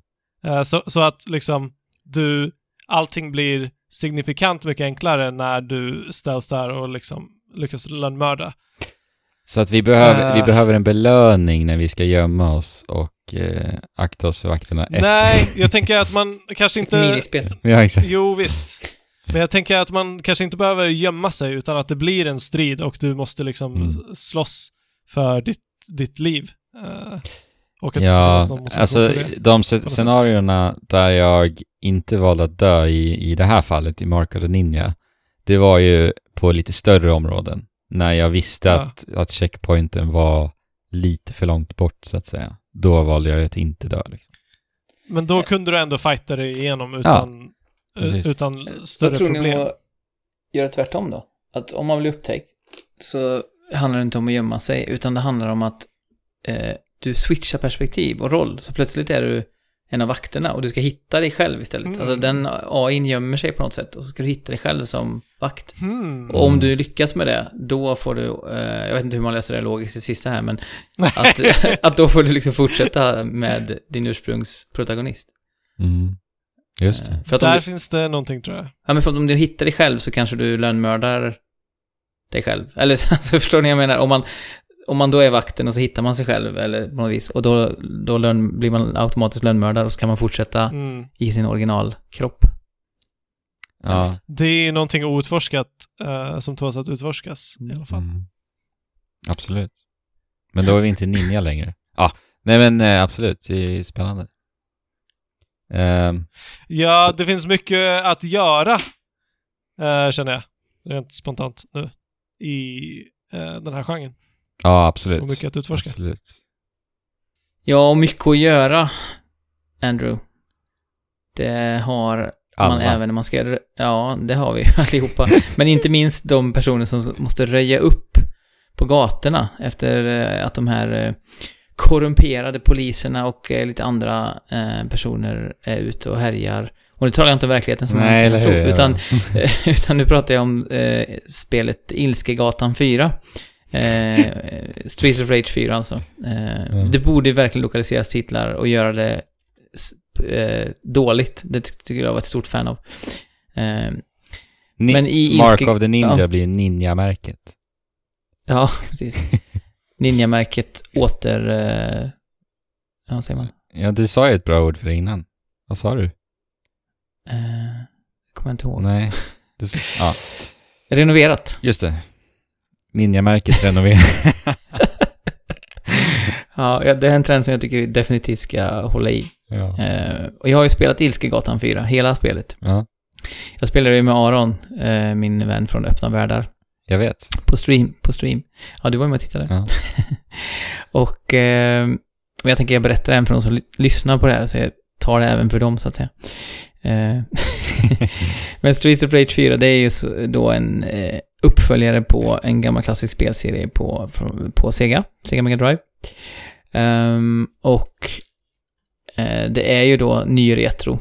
Eh, man har ändrat eh, den grafiska designen från originalspelet, vilket har varit en stor eh, diskussionspunkt. Men när jag har spelat spelet eh, och liksom ser det i rörelse så tycker jag verkligen att de har hittat rätt. Mm. Eh, det är ju lite det här 80-tals eh, st- streetpunkiga, neon eh, osande eh, designen. Och Väl också ehm, tecknat. Liksom. Eller hur? Ja, precis. Det är det. Det är ju väldigt så här eh, over the top cartoony på ett sätt liksom. Men, men det, är ändå, det är ändå ganska så här, eller jag ska inte, kanske inte over the top, utan mer... Eh, Serie... Ja, precis. eh, Lite liksom gritty fast kulturer fortfarande och- färgglatt på något vis. Ja. Ja. Jag tycker att med det här så har de hittat en identitet eh, som inte riktigt fanns i de tidigare spelen. Eh, för att på, på Sega så såg, såg det ut som ja, typ vilket spel som helst, mer eller mindre. Mm. Eh, utan, utan, utan någon identitet. Jag menar, man kan titta på det och det skulle lika gärna kunna vara kontra liksom, eller... eh, Men något som verkligen har varit karaktäristiskt för spelserien överlag är musiken. Eh, syntig musik. Och och ja, det är Yuzo Koshiro som står för musiken som dessutom gjorde det för eh, 1980X. Ja, men lite mer japanskt kan du säga. Yuzo Koshiro! Som också då var med eh, i Viktor Sjöström och Tobias Bjarneby och alla de andras spel 1980X. Eh, Men är det sant? mm, de lyckades rekrytera honom, vilket var väldigt Är coolt. det sant? Det här, alltså nu har jag ingen relation riktigt till eh, Kusu... Har du levt under en sten. Fabian? Yuzo Koshiro! Hans musik. Ja, men jag har väl det. Eh, var borde jag ha känt igen det Ja, ifrån? men framförallt från Streets of Rage och liknande spel. Eh, men, och, och musiken har ju, det är inte bara Koshiro som gör musiken här, eh, utan det är ju ett team Eh, i större utsträckning än tidigare. Eh, men jag tycker verkligen att musiken är riktigt bra, för jag har ingen relation riktigt till Streets of Rage förut, eller musiken i den. Men jag, jag, alltså det var en sekvens när vi var inne i en konsthall eh, med så ascool street art och samtidigt så var det världens härligaste eh, liksom funkslinga. Jag tror till och med det smög sig in en saxofon där någonstans. Eh, det var bara, jag stod och njöt. Jag stod bara still, så här, tappade med foten i spelet och, och IRL och bara njöt. Så att jag tycker verkligen, som sagt, estetik och musik är så här, verkligen perfekt. Mm. Um, sen är ju mekaniken eh, i princip oförändrad från de gamla spelen. Eller det är det ju inte, men så som man minns att det var. Ehm, det vill säga man har eh, ett par attacker, man har en specialattack framförallt som är som tar liv från en själv. Men till skillnad från till exempel Final Fight eller of Rage, gamla spelen, så kan man då lite så här eh, eh, Ja, det finns ju många actionspel som gör så nu att när man attackerar så får man tillbaka det livet man gjorde av med. Så att Ah, om jag gör en special... Ja, precis. Bloodborne. Om jag gör en attack, en specialattack, så blir jag av med kanske 10% av mitt liv, men då kan jag puckla på andra fienderna med vanliga attacker så får jag tillbaka. Mm. Och sen har man då ett system där de plockar upp stjärnor och då kan man göra en, en uh, ultraattack i princip eh, som plockar ut många fiender i närheten. Det är ju väldigt olika också vilka typer av... eh, alltså alla karaktärer, det finns ju, jag tror att det finns, är det en 12, 15, jag är lite osäker. En himla massa karaktärer i alla fall, men man börjar med fyra stycken. Och sen kan man låsa upp allt eftersom. Eh, de har ju väldigt olika stilar eh, och väldigt olika specialattacker. Så det, är- där ligger väl eh, mycket av nöjet att utforska de olika karaktärerna. Eh, och vi spelade ju också med, med Friendly Fire på, så det blir många dråpliga situationer. Man börjar puckla på varann för att de, hamnar liksom i vägen för eh, Ja. mellan fienderna och Mm. Det kan jag verkligen tänka mig. Kan man ställa in om man vill ha så här friendly? Ja, man kan- Ja, man kan slå av det. just det. Eh, slå av det. Ja, nej men vi, eh, vi körde med det på och eh, man rör sig bara horisontellt eller, eh, eller vad heter det? Horisontellt eller eh, Vertikalt. vertikalt, precis. Eh, så att det defensiva spelet är ju lite obefintligt. Det enda man kan göra är att i princip flytta sig framförallt då upp och ner i, i djupet då, så att säga, för att, att akta sig. Man hade velat ha, vi hade velat ha någon blockknapp, pratade vi om, Ja, eller någon form av det. counter. För nu blir det väldigt mycket att ja, man försöker hålla distansen rätt, eh, det är lite så här glidig, ni vet man går, man nästan glider Ja. över. Och sen så går man in och Det är lite på. ice skating till och med. Ja, lite så.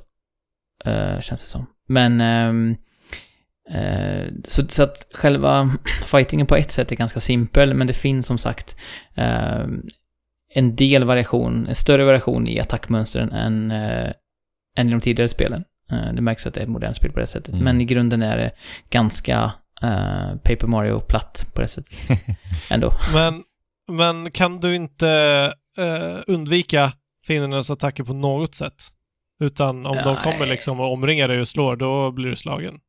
Ja, du kan ju Slå tillbaka. Ofta, Ja, men ofta räcker det, precis, du kan ju avbryta fienderna om du attackerar vid rätt tillfälle. Vissa attacker, och de har ju inte, är ju inte möjliga att avbryta och så vidare. Sen kan du ju hålla dem på avstånd med, eh, med vapen. Man kan plocka upp olika vapen, antingen kasta eller slå med dem. Mm. Eh, Okej, så att hålla avstånd är liksom en av mekanikerna. Ja, alltså hela tiden kontrollera distansen mellan dig och karaktären. Crowd control. Ja, och det är olika för varje fiendetyp. Det finns en himla massa olika fiendetyper. Men Eh, alltså Jesper, har du spelat många sådana här typer av spel genom åren? Ja, men en del ändå. Final Fyra. Fight eh, 2 tror jag har spelat från början till slut. Och jag har spelat väldigt mycket eh, Double Dragon, både Double Dragon 2 och 3 har jag spelat väldigt mycket. Mm. Så att, ja, men jag skulle ändå säga att jag har, och Turtles in Time har jag spelat flera gånger från början till slut. Ehm, Men alltså hur är djupet generellt i sådana här spel? Jag tänker på typ eh, eh, fiendevariation. Handlar det liksom om att så här, lära sig attackmönster eller är det mera hjärndött, bara liksom Nej, men det här, spel, det här spelet eh, är ändå ganska svårt generellt sett. Vi dog en del i spelet. Mm. Eh, så, och, men där har de faktiskt gjort en ganska smart sak, att om man dör för många gånger så får man börja, eller man kan nog välja till och med, om man, om man vill ha ett extra liv. Man har generellt sett två liv. Eh, eller tre egentligen, man har två, så när man är på noll så är, har man det livet också. Liksom. Mm. Men då kan man få ett extra liv bara på den banan eh, om man vill. Om man dör kanske så här, fyra gånger, fem gånger. Eh, men eh, jag tycker att spelet var ganska svårt. Eh, så att det går inte bara att liksom button-masha sig igenom, för då klarar man inte Mm. spelet. Eh, så det finns väl ett visst djup. Eh, och just här som du sa, att fienderna har attackmönster man måste lära sig, definitivt. Men det är ju ganska förlåtande fortfarande. Och det är nya Ja, fiender liksom på varenda bana eller? Ja, alltså det kommer alltid introduceras nya fiender på varje bana. Däremot så återkommer en del också Ja, på varje bana. Så att det är inte ett helt nytt galleri. Eh, och bossarna återkommer också som minibossar i många fall. Så att, Ah, just det. och, i, och, i, och i vissa fall kan det till och med vara så att eh, det är två bossar som du har träffat förut. Där det var, ja, de har ju varit eh, på, på egen hand förut. Att man möter en av bossarna på bana 1, nästa boss på bana 2. Och så på bana 5 så kanske man möter båda de två samtidigt. Mm. Ehm, så att det kan man väl kanske, jag vet inte om det är värt att kritisera, men det är i alla fall lite så här man återanvänder de karaktärerna. Ehm, men alla de här, alltså det är ju väldigt stora karaktärsmodeller. Mm. Det är ju ett arkadspel på det sättet, att man liksom har lagt väldigt mycket krut på att, att det ska se coolt ut med, med liksom stora karaktärer. Och det funkar verkligen. Ehm, och det finns vissa, ja, huvudfiender, huvud, alltså bossar och ens egna huvudkaraktärer eh, som bara så här, ja men man kan stå still och det gör det, men så här, en av de kvinnliga karaktärerna drar handen genom håret och det svallar och det är verkligen, ja, det är så här, eh, ni vet så här, USA-coolt som man tyckte när man gick i låg och mellanstadiet på det sättet. Mm. Eh, Men det är ju liksom med en japansk touch också. Så det är en härlig eh, kombo eh, mellan typ amerikanska serier och anime. Ehm, och, men det är väl det. Alltså, jag spelade igenom det en gång och eh, man låser upp massa karaktärer eh, längs resans gång. Men jag kände inget jättestort behov att spela igen. Eh, och det tog väl oss två och en halv timme ungefär att ta oss igenom alltihopa. Ehm, Ja, ni klarade av det- det på, på den där Ja, streamen. precis. Det finns ju på Game Pass. Vi, vi spelar ju via Game Pass. Ah, okej. Det tog ju visserligen, på PC tog det två veckor, nej tre veckor nästan efter release innan de hade fixat buggen som gjorde att eh, spelet eh, kraschade när man startade det. Eh, vi tänkte spela det vid release, men det tog ty- typ tre veckor innan vi kunde för att... Den värsta var- buggen att ha. ja, det gick inte liksom. Det gick inte ens att starta spelet. Så, eller ja, man, man fick se första introskärmen och sen så hoppade Det är det. nästan ännu värre. Mm. Ja. Ja, nej men och, så har man Game Pass så tycker jag definitivt man ska känna på det för eh, det finns en tyngd i liksom eh, i fighterna och det finns framförallt en tyngd i soundtracket. Eh, och, och den här härliga estetiken. Ehm, så, och, och kan man spela det tillsammans, jag tror definitivt det är sättet man ska spela det på. Eh, för då, då tror jag man tar udden av det lite, kanske repetitiva och enformiga som kan bli när man spelar det på egen hand. Ehm, ja, just det.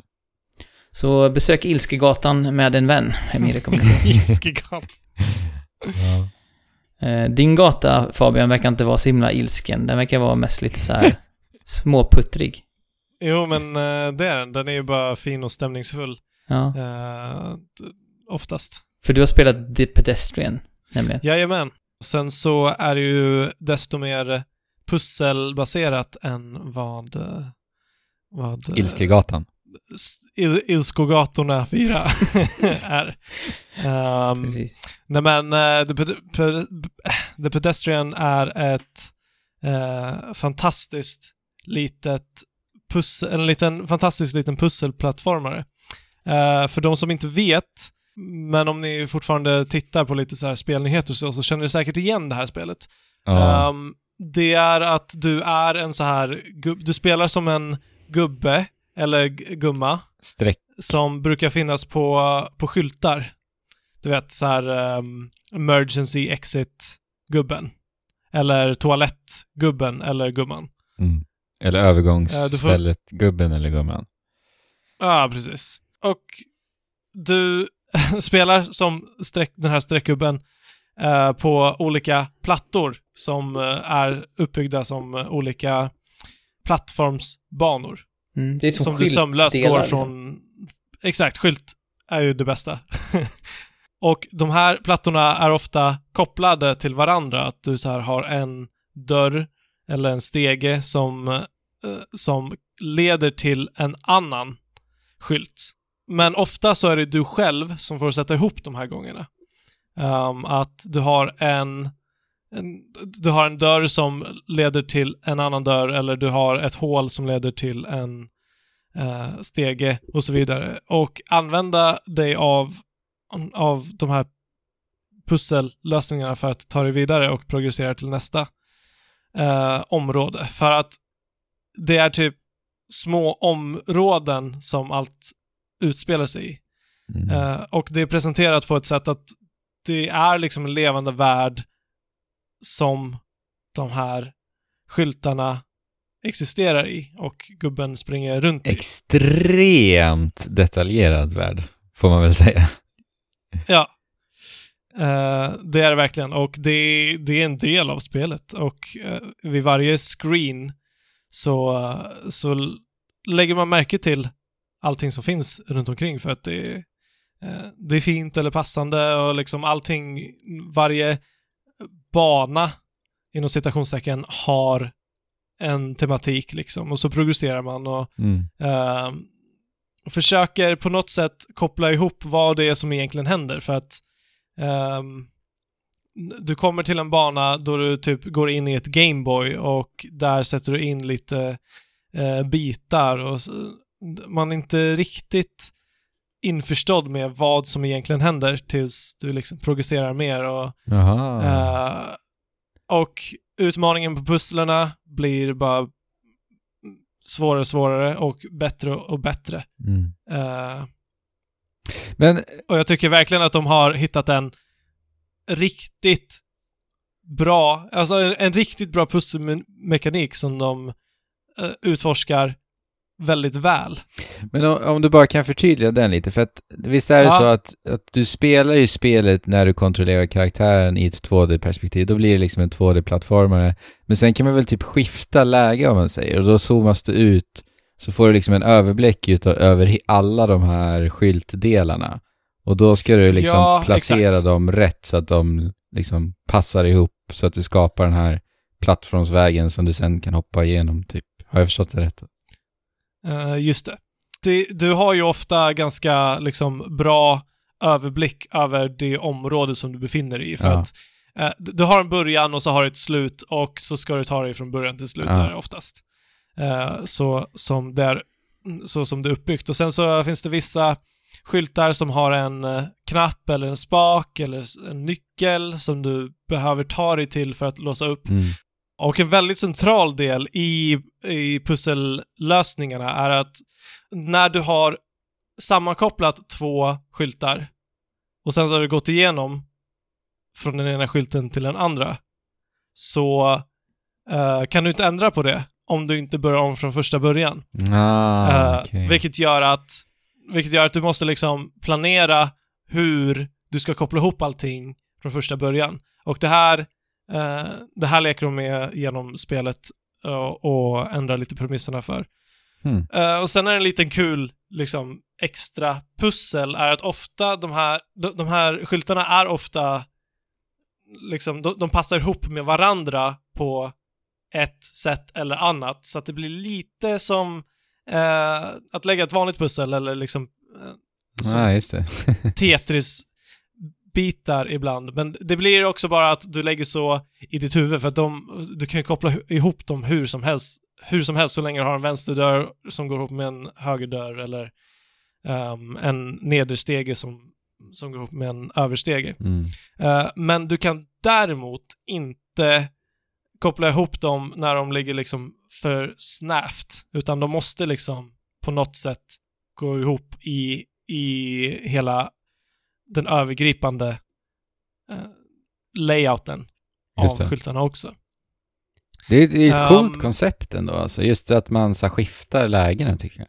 Och du menar på att Ja. det funkar bra, alltså? Det är ju fantastiskt. Nej, men det är, det är ett fantastiskt pusselspel.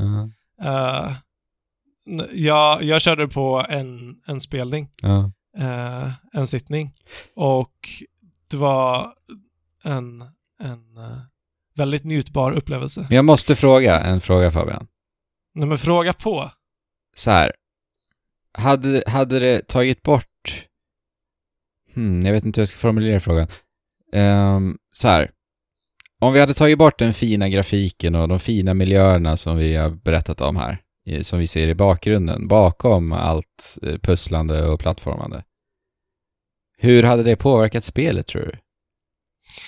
Väldigt lite. Ja, Ja. eller hur? Så att, ja, men, jo, men precis. Det är ju också någonting som jag tänkte genomgående på på spelet. Så här, det här är sjukt mycket jobb Exakt. för någonting som egentligen tillfört it? till spel. Men, alltså, nej. De har hittat en spelmekanik här som är robust i sig själv. Ja. Ehm, och de hade kunnat göra ett spel med bara Eller hur? uteslutande de här skyltarna. Eh, och liksom att du progresserar från ställe till ställe. Eh, spelmässigt så hade det varit exakt samma spel, Mm. mer eller mindre. Men, men i slutändan så har du ju ändå liksom ehm, en estetisk, ett estetiskt värde medan du progresserar och gör det mer intressant att se liksom var kommer du nästa gång. Eh, och det är lite så här det är nästan uppdelat i världar där du åker i eh, tåg från ett område till ett annat och de är väldigt distinkta. Bara det blir en, en eh, nästan belöning, rent Ja, precis. vi- visuell, en visuell belöning egentligen. Det blir en visuell belöning som liksom eh, är mer än bara belönandet av att lösa pusslen Ja. i sig själv. Mm. Men den är ju som sagt inte fullständigt nödvändig, men Nej. det är någonting extra. Och sen så... eh, sen så händer ju saker. Mm. också. Som gör att du frågar frågor. Alltså det här är ett spel där du eh, lite så här frågar dig, vad är det som händer? Och det älskar jag. Det älskar jag när spel får dig att ställa frågor som de sen, sen liksom utan att behöva skriva det på näsan överhuvudtaget eh, svarar på. Eller inte svarar på. Mm. Men just eh, ljussättningen i spelet tycker jag är fantastisk. för Det är ett väldigt mjukt ljus hela tiden. Det är väldigt så här... eh, Det ger en väldigt behaglig känsla. Ja, och Eh. färgerna och kontrasten på, på de här olika. För det är inte bara eh, svart mot vitt, utan det beror helt så och hållet på skyltarna liksom. Mm. Eh, och de har ju hittat en, en, en stil som funkar Mm. på ett väldigt bra sätt. Alltså, det är mycket omsorg lagt bakom de här skyltarna som, som man kanske inte tänker på. Omsorg lagt första- på skyltar. Nej, men, nej, men om du tittar på skyltarna, det skulle lika gärna bara kunna vara Jo, liksom nej, men en det var bara- skylt, vilken skylt som helst. Men när du har typ så här trafikskyltar så, så har de här små reflexerna eh, på skyltarna, Mm. eh, till exempel. Mm. Och ja, ljussättningen är ju till för att det ska vara tydligt. Eh, för, för att du ska se skyltarna tydligt. Eh, men eh, också så beror det ju på naturligtvis vad det är för miljö du befinner dig i. Men var det något speciellt du tänkte på? Med ljussättningen? Du sa att det var, bara var mjukt. Nej, men jag tycker både ljussättningen och själva färgsättningen är väldigt så här, ni vet som en eh, sensommarkväll ungefär. Mm. Det är liksom, eh, det, det ligger någon slags lite ludd kring allting som ser väldigt härligt ut. Typ när klockan är Mm. sex i Animal Crossing, eller hur? Ja, exakt, exakt så. ja. Nej, fantastiskt pusselspel. Eh, jag kan inte rekommendera det nog egenskap att vara pusselspel och jag gillar ju pusselspel. Mm. Du har ju vänt och vridit på din hjärna lite grann här eh, i, i, eh, samtidigt som du har vänt och vridit på skyltarna. Eh, du har ju fort, fortsatt göra det med mig. Vi nämnde ju förut att vi spelade eh, lunchspel, lunch-OV tillsammans. Just det. Alltså Jesper, halva nöjet med att podda med dig, det är att se vad du kommer upp med för segways. Alltså.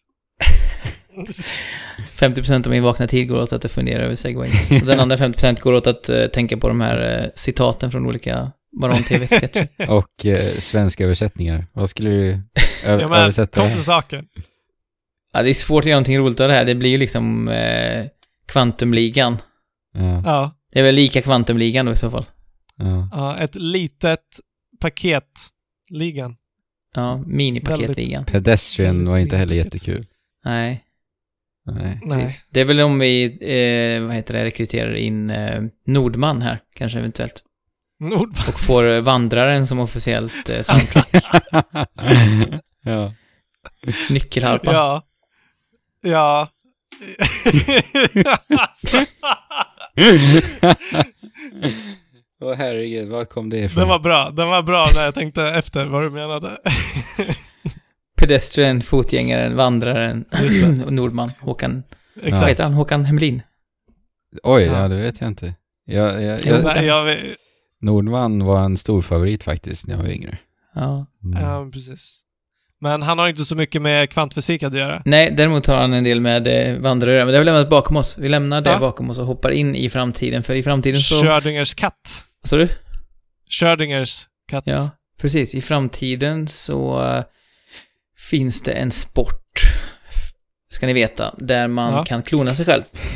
Och i den här sporten så spelar man eh, eh, Quantum-ligan då. Quantum League heter spelet som jag och Fabian har spelat. Och det är ett FPS med tidslinjer. Ja. Utvecklat av en argentinsk studio. Ja, Uh, Nimble Giant. du fick ju i uppdrag att gräva fram eh, brasilianska studier, så nu har du kommit hem med en eh, argentinsk studio. Ärkefienden till eh. Brasilien på många sätt. Exakt. Eh, och det, det här är ju lite uppfriskande. Det är ju hela eh, estetiken kring Quantum League är ju lite så här eh, sportsändning, ESPN eh, och Ja. loggan är också så här väldigt, eh, ja, skulle kunna vara från en modern sportsändning. Men som sagt, det är ett FPS-spel. Man spelar antingen en mot en eller två mot två just nu. Det är ett early access-spel ska sägas också. Eh, och premissen är då att du har tre stycken eh, tidslinjer per runda. Och med de här tidslinjerna, först så spelar du bara ja, en mot en. Du väljer ett av Mm. Fem vapen? Fyra vapen? Fem vapen. Man har alltid ett sidearm som är en vanlig pickadoll. Det. Eh, och sen så finns det fem olika vapen varav det är Sniper på ettan. Ehm, SMG på två. Eh, bombkastare på tre. Eventuellt fyra. S- shotgun på tre, Shotgun är på, eventuellt fyra. ja, shotgun var på fyran. Det, det Okej. kommer jag bestämt ihåg. Okej. Eh, och på femman har vi Sarias laservapen. Ja, för er som har spelat Overwatch så är det väldigt likt. Alltså det är ju en, en laser Laserbeam, som, vad heter den? eh, ja, den är laser. som är ihållande. Liksom. Lite som när jag spelade, om jag kommer ihåg, eh, eh, Contra har ju också ett sånt vapen. Det är liksom Mm. en liten, eh, ja, en laserpinne som sticker ut framför en i princip. Ja, exakt. Eh, och den, som visar smälter sig- motståndaren. ja precis. Den visade sig vara kanske lite eh, för stark så här i Early Access-versionen. Tyckte vi i alla fall.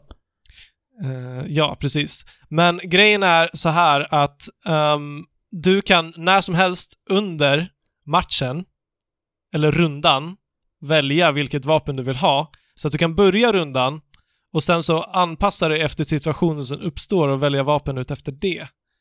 Ehm, och sen vid nästa runda så får du också möjlighet att välja liksom, ett nytt vapen och vid tredje rundan samma sak. Men, precis, men vid varje, vid varje runda så är man låst till det eh, vapnet man sen har valt. Innan man Exakt. dör då, eller vinner den rundan. Och så får man byta eh, när nästa runda har börjat. Och målet, ja det finns lite olika spellägen, men det vi körde mest var ju eh, Capture the, Point, eller du det? Eh, Där Mm. man ska då befinna sig i slutet på eh, den tredje rundan. så vinner den sidan som har flest eh, personer i mitten, lite som curling. Precis. Den, eh, så att man ska liksom se till att placera sina karaktärer inne på mitten på den här punkten. Och såklart så ska den andra försöka hindra den från att göra det. Eh, så det är liksom grundpremissen där. Precis. Men som sagt, det är en tidslinje, det är det som är hela grejen med det här spelet, hela hooken är att Mm.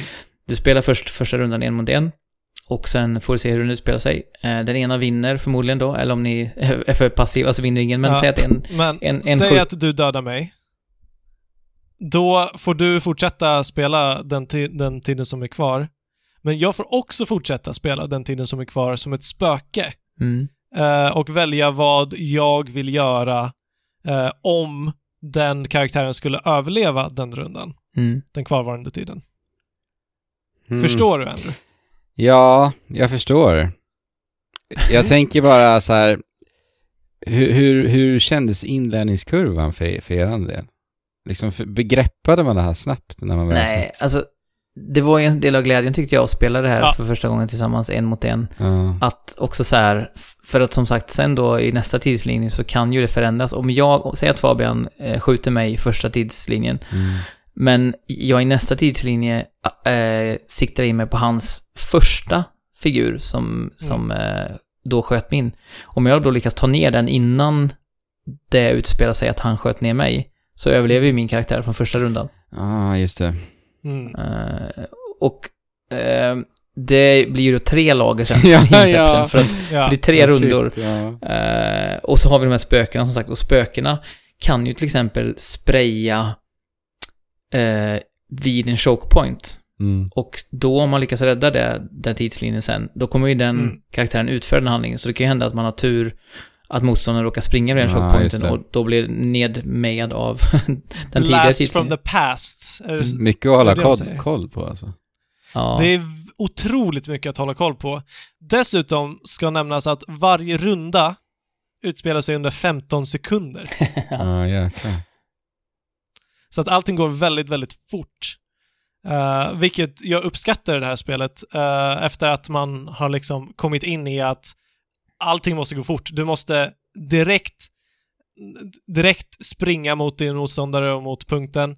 Eh, och sen väldigt, väldigt fort bestämma dig för vad du vill ha för encounter, vad du vill eh, liksom sätta upp för eh, scenario för dig att fortsätta spela på under de nästkommande rundorna. Mm. Och det är jättestrategiskt. och samtidigt hålla punkten, liksom. så här, ja men, tänka sig att jag eh, eh, låter min motståndare eh, ta ner min första karaktär för att jag har en plan sen hur jag ska kunna distrahera Precis. motståndaren i nästa runda. Eh, det var ju någon gång, du var ju bättre, bä- bättre med på det spelet Fabian, men någon gång så var det så att Det jag satte upp en sån fälla att ja, men du, du kommer gå på min karaktär från första tidslinjen här nu. Då går jag runt på högersidan så att jag kan komma i ryggen på din Mm, just det. eh, andra karaktär som ska engagea med min första och lyckligtvis hade inte du sett min andra runda då, eller min karaktär, vart den var, så det kunde jag Mm. eh, göra bakhåll liksom. Så att man kan verkligen eh, eh, det är ett väldigt så schackspel, tjuv och rackarspel Mm. hela tiden. Att du, nu tror jag att du kommer göra det här, ja, då försöker jag countera med det här. Och så är det hela tiden en hjärnornas kamp samtidigt som man måste sikta. Precis. Precis, det var det jag skulle fråga. Ja. Att, men det, det väger ändå tungt fortfarande på just eh, siktet också. Alltså, jo, jo, alltså om du, om du konsistent kan ta ut andra eh, spelare så har du ju naturligtvis ett överläge, men det betyder inte att eh, du, du kan out, utmanövra Ja. din motståndare. Jag hade ju problemet att jag naturligt backar när det blir eh, konfrontation. alltså, och gärna eh, gömmer mig. Och då, även om jag vinner den konfrontationen, eh, så hinner jag ju sällan fram då till punkten innan tiden tar slut. Ehm, vilket leder till att den rundan i princip blir meningslös för min del om jag Ja, inte... precis. Mm. eh, även, 15 sekunder passerar fruktansvärt fort när du fokuserar på det här sättet. verkligen. Uh, alltså, man, man tänker ju ändå att du ser ju tiden hela tiden och att du ska kunna hålla koll, men det är alldeles för många gånger som du liksom får tunnelseende och sen är tiden slut. Och det finns ju eh, en hel del olika, eller ja, några olika karaktärer i spelet. Eh, de verkar inte göra någon skillnad. Jag vet inte om hitboxen är annorlunda i och för sig, det märkte jag inte riktigt, men... Men eh, Nej, det vore de har inga egna förmågor eller så. Än i alla fall. Jag kan tänka mig att det skulle vara någonting som man skulle kunna lägga till. För att det är någon slags blandning mellan Fortnite och Overwatch i sin framtoning. Eh, inte lika slipat som någon av de två, för det är ju mindre studio. Eh, Men det ser tycker de är- väldigt slipat ut alltså, tycker jag. ja, jag tycker också det. Speciellt för att vara ett early access-spel. Ja. så, Ja. Alltså, grejen är, så när man spelar spelet funkar det jättebra. Däremot att få spela spelet, det var lite klurigare. Ehm, för att... Ni hittar inte matcher eller vadå? Nej, jag tror inte det var det som var problemet, utan det verkar vara en, någon slags bugg i... Eh, alltså det är som att kedjan hoppar av när man ska söka online-matcher ibland. Att den bara står och snurrar Ja. liksom, men det händer ingenting. Man trampar på pedalerna men det, det Ja, kommer inte någonstans. Och, Och sen hoppar du ut när vi är till startskärmen tillsammans. När vi har försökt söka tillsammans så har det eh, nästan varit så varje gång. Ja, och vi har ju haft problem med det även när vi ska möta varandra ibland. Mm. Eh, så man får starta om spelet och då verkar det som att det klickar i, i eh, växel igen liksom. Ja, jag det. förstår. Men det är som sagt early access. Early access. Så Ja. på det sättet så kändes det inte så slipat, men däremot i mekaniken så... så Alltså, det gör ju det det ska. Sen så tycker jag att känslan, eh, känslan är lite platt i spelet fortfarande. Mm. Eh, jag menar, om du går från Overwatch till att spela det här så är det ganska uppenbart. ja. Men, eh, men det är ju definitivt ingenting som är game-breaking överhuvudtaget. Eh, det, det är som sagt förvånande hur den här nya lilla studion har kunnat göra ett så välfungerande spel. Men det är väl det jag känner, för som du sa, Vapno så har ingen jättestor identitet och inte ens karaktärer heller eh, när man väl spelar dem. Även om jag tycker designen på några av dem är ganska, eh, ganska bra. Förutom då det tröttsamma ständiga att eh, alla kvinnliga karaktärer är avklädda och alla manliga karaktärer är påklädda. Eh, vilket är så här, Mm. lite tröttsamt.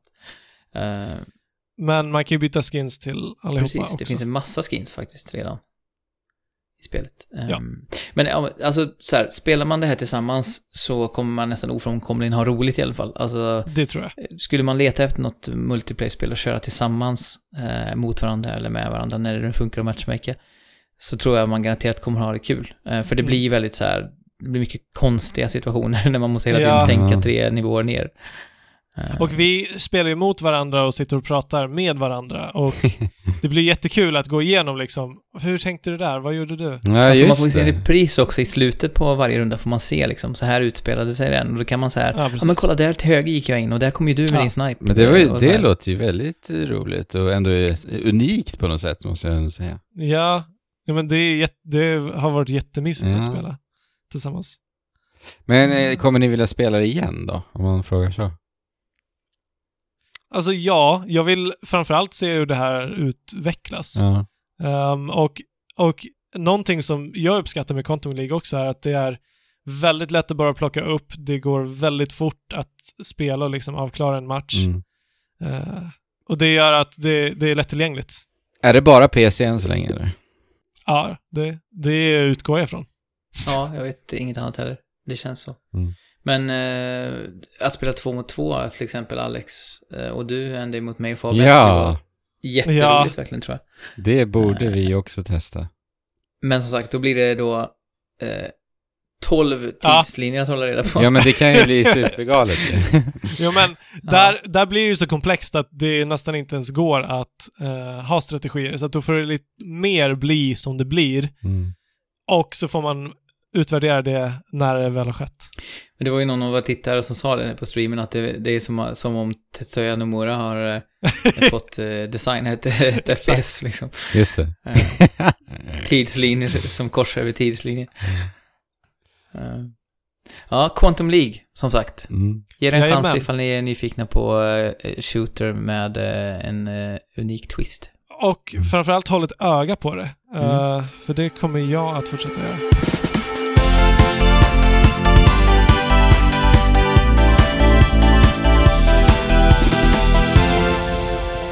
Och det sista vi ska kasta våra ögon mot eh, denna kväll, som det är när vi spelar in, är ju de här 51 världs, världsvida spelen. Nu ska vi prata om 51 spel 50, ja, innan vi... Hur lång tid har det tagit att täcka en, två, tre, fyra, fem, sex spel? Ja.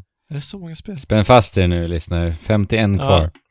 Vi kommer gå igenom alla spel i detalj i de här eh, 51 Worldwide Games. precis. Som spelet Som, heter. eh, ja, 51 Worldwide Games kanske till och med. Ja. Men får jag, får jag börja med en fråga? ja. Varför ville du spela det här? För att eh, jag kände, brädspel är ju kul va? Det tycker Jo. jag ju. Och sen Ja, när jag har sett det här spelet så har det liksom tänts till något oväntat sug. Jag vet inte riktigt Ja. varför. Ehm, jag tror att det hade lite att göra med att så här, jag någonstans upptäckte att men om man tittar lite noggrannare på det här spelet nu så ser det ju faktiskt ut som att de har lagt ner lite, lite själ i det. Det ser ut som att varför är det så onödigt polerat som det ser ut att verka vara? Jo. Ja, men Alltså ja. precis. jo. Jag eh, tänkte ju bara så här, okej, jag sneglar typ fem sekunder på en trailer och bara, ja men okej, ett minispelsamling Ja, ja. till, till Switch. Ja. Perfekt, för jag, jag behöver fler spel och kunna spela tillsammans med familjen. ja. Och även om det är så här halvdant eh, gjort så tycker jag, ja men det är perfekt, då kan vi spela det. Eh, och sen så när jag startade spelet, eh, jag har bara spelat det i några minuter så du får ju definitivt prata mer om intrycken, men Mm. så var jag så här, aha, det var det här det var. Ja. De har liksom ansträngt Okej. sig för att göra typ en kulturell utbildning samtidigt som man spelar Ja. de här spelen. Ja, det, Eh, det, det är, det är liksom en av belöningarna i spelet. Att du får Ja. liksom trivia bakom alla spel. Men vad, vadå kulturell utbildning? Ja men det är ju, det är ju Jag 51 spel från vida världen som spelet heter på svenska. Och det har de verkligen tagit fasta på. Man får- världen. man, ja. för man får liksom, ja men det är så här spel från Afrika, spel från Nordamerika, ja. spel från eh, Norden. Alltså det är så här, så man får nästan en så här, eh, eh, ja men en resa jorden runt Mm. i spelens tecken på något vis. På ett väldigt härligt sätt med voice, alltså voiceat eh, och det här Nintendo-polishen. Alltså det känns ju liksom, du, jag såg att du twittrade lite om eh, bowlingen där, om det skulle leva upp till Wii, eller till Wii bowling, eller Wii Sports. Och man får lite Wii Sports-vibb tycker Ja, jag. ja, ja. Det är det här, Bara eh, musiken. Alltså den påminner jättemycket om, ni vet så här operativsystemsmusiken på Wii-tiden. Liksom. Ja. Jätte, Men det är den här Ja, vad mysigt. appelifieringen av, av eh, Nintendos design, Ja. typ. precis. Och det är supersnappigt, alltså bara menyerna flyter på sant? jätte, jättesnyggt och som sagt jättepolerat. Det är små, små animationer överallt som bara gör att allting känns eh, väldigt inbjudande och bara... Ja, Men är det sant? Ja. Och, och jag, just, Alltså- just kontexten du pratar om Jesper, här att man liksom eh, besöker vida världen. Eh, det tyckte jag väldigt mycket om, för att man har då en jordglob som heter Quick Guide i spelet. Eller vad säger jag? Det är Guide. Globe eller vad, vad heter det? Någonting Guide. Ehm, och där så befinner det sig lite så här eh, människor som är utplacerade då på olika, eh, eh, på olika länder. Och de här eh, människorna fungerar då som guider just för minispelen som då, eller brädspelen som Mm. kommer ifrån det här specifika landet. Och de ger ju en lite historia bakom de här spelen. Och som sagt då, till och med en belöning i spelet är just trivia om alla spel. Mm. jag, jag, jag med nöje ändå läser igenom vad, vad, vad som faktiskt, var spel kommer ifrån. Och sen finns får man ju reda på så lite knasiga detaljer om, om spel som man bara, aha. Typ till exempel i, i vad tusan heter spelet nu, det är ju 51 stycken här. Ni vet, Go, Go är ju i förkortningen vet jag, Go. Gomaku. Vadå, Gomaku heter Go? det? Är det inte det? Är det brickor? Ja, ni vet eh, svarta och vita pluppar. Gomaku. Gomaku. Gomoku heter Gomaku. det. Nu såg jag, jag har switchen uppe här. Men, men vad är skillnaden mellan Go och Gomaku? Jag tror att det är samma, men, men jag inte, citerar mig inte på det. Ehm, men till exempel i det spelet så fick man reda på att, att eh, proffs, proffsspelare, de ser sig gärna spela på, på specifika liksom go, Gomaku-bräden för att det ger ett tillfredsställande ljud när du Aha. placerar ner liksom de här eh, svarta och vita kulorna. det var bara så här, jaha, okej. Men har de, har de försökt återskapa det tillfredsställande ljudet? Ja. Såklart.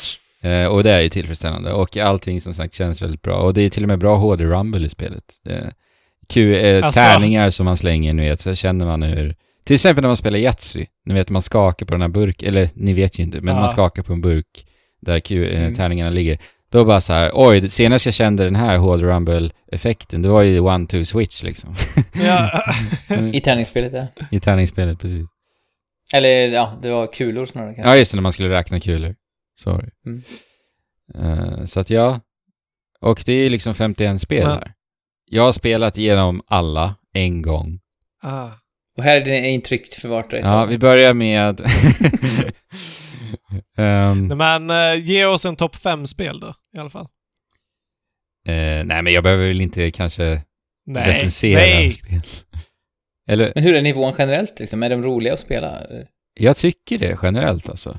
Jag tycker att det har varit jättemysigt att bara fippla omkring i de här trevliga menyerna och bara, bara se vad det är för spel. Alltså bara utforska.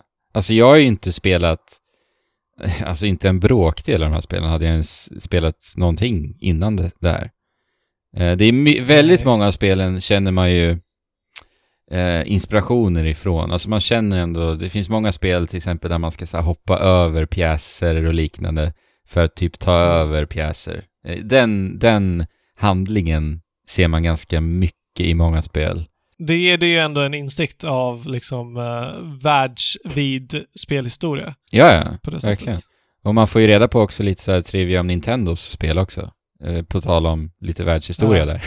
Att de än idag fortfarande producerar just Gomaku och även Hanafuda-kort och Aha. liknande. Men, men de här spelen, är det full... Eh, fullt realiserade versioner av spelen? Så man kan sitta och spela liksom en hel omgång? Eller får du liksom så här smakprova på en light-variant av spelen? eller? Jag tror att de är helt fullt realiserade, men det, jag har ju bara spelat lilla light-versionen, eller Mm. varianten, för du kan ju välja det eh, innan du hoppar in. Eh, Mm. till exempel när man, när man spelar bowling, bowling exempelvis, så är det ju bara typ så här fem, fem kast liksom. Men du kan ju spela en hel full runda. Ja. Eh, sen minns jag Okej. inte hur många det är, men, men ja, det går. Tio. Men eh, lite tanken med det här spelet är ju att ehm, dels samla alla spel eh, i världen och många som du kanske känner igen från eh, mormor Mm. och morfar och så vidare. Ehm, men också att återuppliva de här spelen så att när du får besök så kanske du tar fram det här spelet Mm. för att ha lite trevligt med Precis. din besökare eller med din partner eller med din mormor Mm. eller morfar. Eller farmor och farfar för den delen. Ja. Och så vidare. Eller föräldrar. Eller vem som helst. Uh, Multiplayer-delen. Mm. Bra. Bra att du tog upp det. Jag har ju främst spelat själv. Eh, jag, jag har Ja. inte spelat online någonting än så länge. Eh, jag vet att spelet har, ni vet back in the Nintendo DS days, där man då kunde ladda ner eh, som en app till ett spel, Ja, just så, det. så Mm. kunde du då spela lokalt utan att äga spelet. Download play, visst var det så rätt? En fantastisk funktion Mm, just var det det. i Mario Kart till exempel. Man fick spela Mm. som Shy Guy om man inte hade spelet. Just det. Ja, Eh, Det här spelet har ju den funktionen. Så Mm. att eh, nice. det krävs bara ett spel. måste vi testa. Ja. Eh, Så det är ju trevligt. Men eh, faktiskt, jag har inte spelat jättemycket multiplayer. Jag har hört, eh, dock, tyvärr, att det verkar vara så här onödigt märkligt Nintendo-begränsat i just flerspelandet. Till exempel Okej. bowlingen är det begränsat till att bara kunna spela två personer. Jaha. Det ju, känns ju som ett av de en- enklaste spelen att kunna inkludera hur många Ja. som helst. Det känns bara, okej, varför? Ehm, och det verkar vara mycket sånt tyvärr, så man får väl hoppas att de kanske uppdaterar det. För det, jag förstår inte liksom anledningen där alls. Nej. Speciellt som du säger att, jag menar, det känns som ett spel som är klippt och skuret efter just den typen av eh, omgivning, så jag fattar inte riktigt. Men men, Men en viss andel av de här spelen går att spela på eh, bara en, ett system. ja, exakt. Som på, på framsidan så visar de eh, ja, en switch och två fingrar. Mm. Eh, Två personer som spelar mot varandra. Eh, vet du hur många det är eller behöver man liksom, om du ska ha eh, en mysig kväll med totalt fyra pers, då kommer du behöva ha fyra switch. Jag, som sagt, jag har ingen jättekoll på det, men som sagt, det verkar vara rätt tråkigt begränsande där. Även lokalt. Alltså när du säger lokalt, menar du då lokalt på en switch? Ja men det är ju det, ja precis, det är ju det jag pratar om. Lokalt på en switch, exakt. Ja, eller jag menar med två switchar eller... Ja, så har du två switchar, då får du ju automatiskt eh, troligen, eller jag vet ju inte det. men jag, jag vet inte om man kan ha två, om du kan spela två på din switch och jag två på min, det vet jag inte. Nej, det... Vilka svåra frågor du ställer Fabian. Jag har inte ens forskat Men- i det här. Jag, jag vill ju veta om det här är den ultimata uh, myskvällsspelet. Ja, Eller inte. ja, men det verkar ju inte vara Alltså så här, om du är två personer, om det är du och eh, din käraste, absolut. Då, det kan jag svara på. Då är det Ja. eh, riktigt trevligt, i alla fall. Vilket av de här spelen du har provat har varit eh, roligast och bäst? Eh, svårt, faktiskt. Eh, ingen så här som jag direkt kan säga den här har varit rolig. Så jag tycker det är många som sagt har varit kul alltså. Jag gillar Go Gomaku. Jag gillar också, vad hette den nu? Det är- Alltså jag, det är så många spel. um, Hit and Blow är ganska kul. Ett kul spel, alltså kulor. Man ska lägga kulor i olika färger på en rad. En eh, eh, vad blir det, Vå, våg, lodrätt rad blir det. Eh, och sen så lägger du då fyra kulor i en vågrätt rad. Eh, och sen så eh, får du ett svar på hur många av de här kulorna, färgade kulor, hur många av de här kulorna la du på rätt plats? För att det finns då underliggande Mm. att en röd kula ska ligga längst ner i den här vågrätta eh, rutnätet då. Och så har man då, jag tror det var typ så här Mm. sex försök på sig tills att du ska ha alla rätt och så vidare. Det är lite mastermind Klurigt. om ni kör det gamla spelet. Gamla Ja, brädspel. precis. Mm, just det. Precis. Fast det är lite förenklare. Ja, lite förenklat. Sen fastnade jag så jäkla hårt på ett spel som heter Hare and Hounds. Och då, så, Hare and Hounds. och då är du, väljer du att spela som antingen en hare eller som tre hundar. Och sen så, Ja. sen så ser ni spelplanen lite eh, isometrisk vid nästan. Eh, så ska ni ta er med haren från höger till vänster, med hundarna ska ni ta er från vänster till höger och, och eh, rama in, eller vad säger man? Ja, men, Fäng, eh, fängsla men haren in. helt enkelt. Mm. Ja. Fängsla haren. det är det hundarna gör när de får tag på en hare. Nej men, det, och jag spelade som hundarna. Eh, och det tog typ så här 20 försök för mig att fängsla in den här haren. Det var så jäkla svårt alltså. Jag vet inte vad jag gjorde för Mm. fel. Så att akta er för den alltså när ni spelar med, som hundarna. Det är väl det officiella svenska namnet Fängsla haren. Exakt. brädspel också. Men sen, det är inte... Eller är det ett brädspel? Vad sa du? Alltså, är det ett brädspel? Fängsla haren? Nej, jag tror inte det. Nej. det. Det påminner om Svälta räv lite grann. Men, men det är ju inte bara brädspel heller riktigt, utan det är ju lite så här leksaksspel också. Ni, ni vet eh, det här gamla klassiska fotbollsspelet, när man bara drar i spakar Mm. och så är det så här leksaksfotbollsspelare som eh, svingar Ja. fram och tillbaka. Det finns det liksom. Fotboll. Ja, Ja. Är det så det heter? fotboll. Ja. Det, säger, det snackar de om väldigt mycket i Friends. Ah, okej. Vänner och Mm. Sen finns ju Toy Tanks, eller vad det heter nu. Eh, från från Ja, just Wii det. Play Jesper. Du är ju väldigt bekant med Wii Play ju. Mm. Spelade du det någonting i det spelet?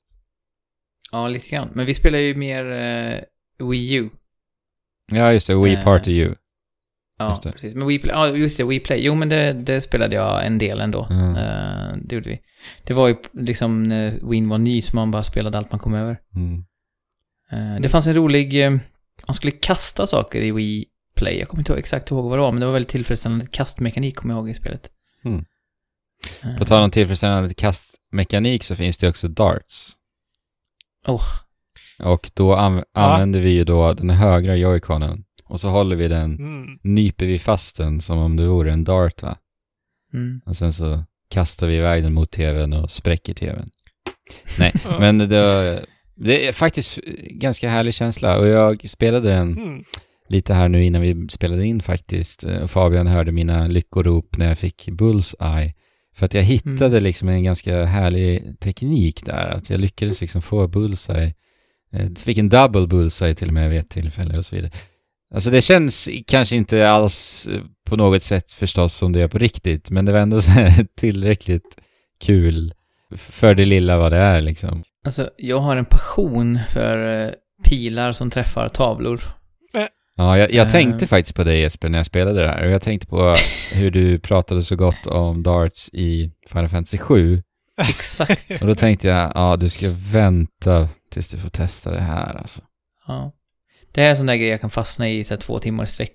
Eh, så jag kanske ska prova det imorgon här. Gör det. Men, ja men pilbågsspel, alltså pilbågsspel, eh, det finns ju också i eh, Wii Sports Resort finns ju ett pilbågsspel som är extremt tillfredsställande. Mm, just det. Mm. eh, Som Nisse brukar köra. Mm. Och jag vet inte hur många mobilspel jag har provat, men jag har, jag vet inte om jag, det är sällan jag har träffat på ett mobilspel, eller ett, ett eh, spel överlag, ett, ett eh, pilbågsspel, som var så bra som det gamla, kommer ni ihåg Bow and Archery, jag vet inte, Bow and Archery, eller vad heter det? Bow and Arrow heter det nog bara. På en- Till ett gammalt DOS-spel typ, eller eh, Windows, Eh, vad heter det, första Windows-versionen där? När det, innan det blev liksom, Mm. eh, innan det blev Windows 95 och så vidare. innan Ja, Windows det var 95. innan mig alltså. Ja, ja, men det, det var ju ett spel där eh, eh, ett typiskt scenario var att du skulle, du var till vänster, skulle skjuta till höger på en, eh, ett mål som rörde sig kanske. Eh, ofta var det också ballonger som åkte i en helt eh, liksom vågrätt rad. De var perfekt liksom alignade med varandra i sidled. Mm. Så åkte de upp och ner och så skulle man försöka Ja. spräcka så många som möjligt på så, på så få pilar som möjligt. Just den Ah. tillfredsställande känslan i att en pil träffar någonting och man tajmar, det är, det är svårslaget moment i spel, känner jag. Mm. Alltså, det här ser ju urkast ut. ja, men det är ju från typ 91 eller någonting. Det ser ut som det första spelet som någonsin har gjorts. ja, men, men Ja. mekanik, mekaniken eh, i det är liksom superduper tillfredsställande. Alltså jag gick in på e-shoppen nu för jag tänkte så här, jag måste titta vad 51 Worldwide Games kostar. Men, men nu när jag har spelet redan så står det ju purchased, så att jag kan inte kika på det. Men jag vet att det inte är 600 kronor. Mm. Eh, så att det är en lite mindre summa för det här spelet. Och jag menar, du får alltså 51 spel. Och jag kan garantera dig att om du på något sätt kan njuta av brädspel, eller har gjort, så kommer du kunna ha kul med alltså något eller några utav alla de här 51 spelen. Och som sagt, det är förpackat i en, i en superhärlig liksom presentation och inramning. Så att eh, jag blev ändå positivt överraskad alltså, av det här spelet. Lite så klassiskt Nintendo att, som du sa förut, ta någonting Ja. som man förväntar sig någonting av och eh, eh, twista det något eller ett par varv. Ja, Det är så, så absurt att det är liksom brädspel som är välpolerade. ja, För att det, jag tänker ju bara, alltså, jag tänkte ju bara på typ så här eh, spel som man brukade spela eh, på datorn som kom med liksom som, Mm. som eh, patiens och grejer. ja men alltså i vissa tillfällen när man bara tittar på på eh, iscensättningen där liksom brädspelarna är placerade. Alltså de är ganska detaljerade ändå. Det känns lite som pedestrian där så här. Ja, ni kanske inte hade behövt lägga den där kaffekoppen där. Men det skapar ju också en liten så här myskänsla förstås. Att man liksom Mm. sitter där med en liten kopp kaffe samtidigt som man spelar lite schack va. Precis. Jag hittar inget svenskt pris på internet, men eh, det eh, engelska priset är 35 pund. Ja, 399 kanske i Sverige ja runt 400. Ja. Det är det ju värt alltså. Det måste jag säga. Jag tycker ändå de kunde bjuda på 52 stycken Worldwide Games, så att man kunde ha fått ett spel per vecka, som man hade fördjupat sig i lite Det mer. finns ju faktiskt, d- det finns ju faktiskt ett hemligt extra ehm, spel skulle jag inte kalla det. Men det är alltså nummer, nej det är inte ens nummer, en det alltså. det är inte numrerat nu när jag tittar här. Men det är ett piano. Så att man kan spela piano på sin switch ehm, med Åh. touch. Under, jul, un, under julledigheten kan man passa på att lära sig spela i piano. Precis. Mm. Och sen så, Sitta vid brasan. de har ju också det här, vad de kallar i spelet för mosaik mode. Och det är, ni vet, Okej. ni vet det här när man kopplar ihop flera switchar.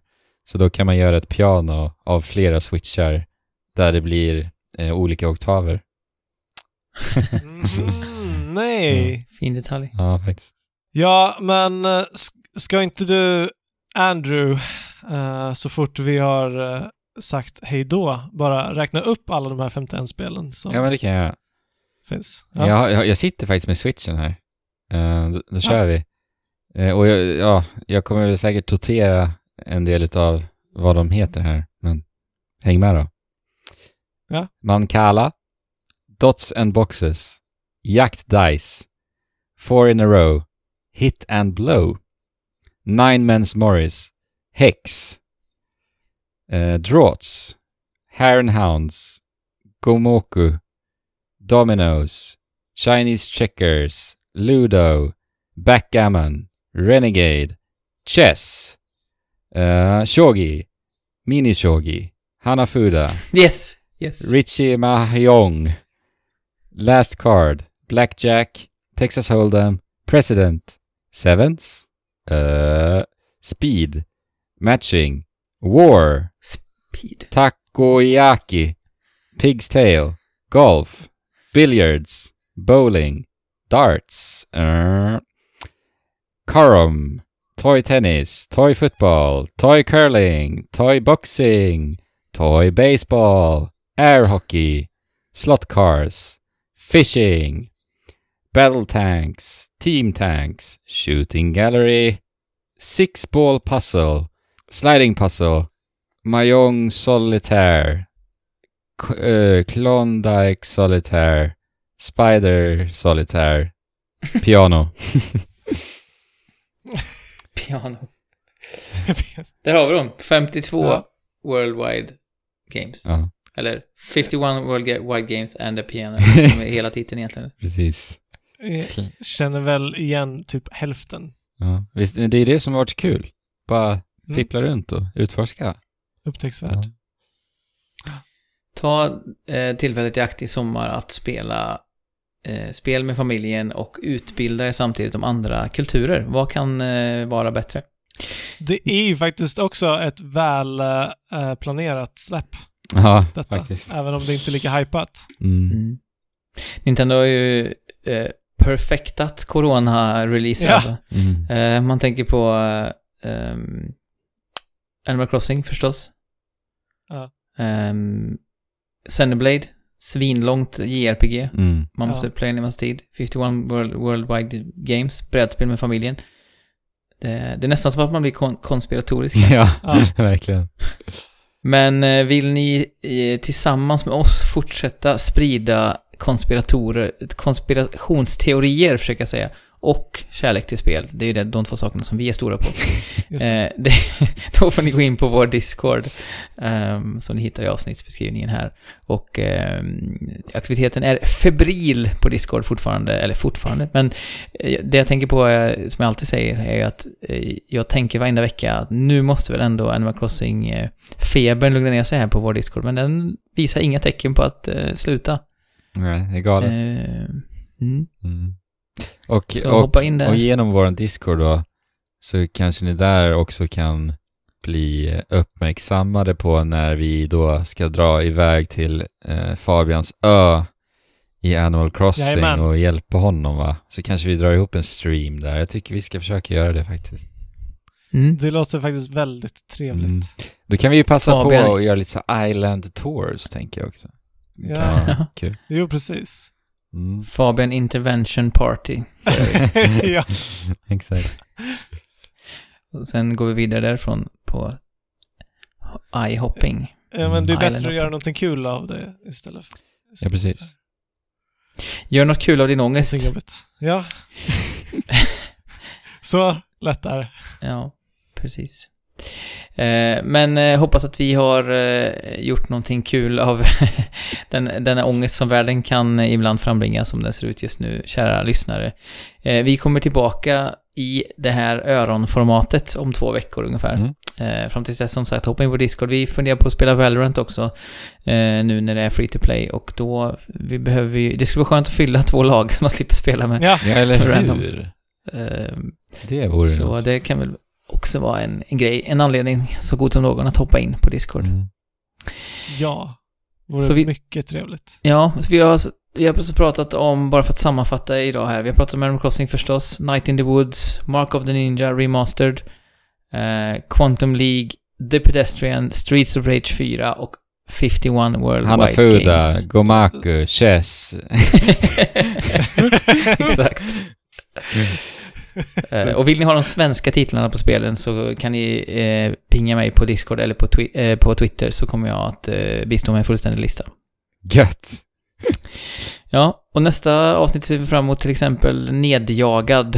Eh, att eh, få delge våra intryck av Huntdown och kanske Valorant och lite annat. Smått och gott. Yeah.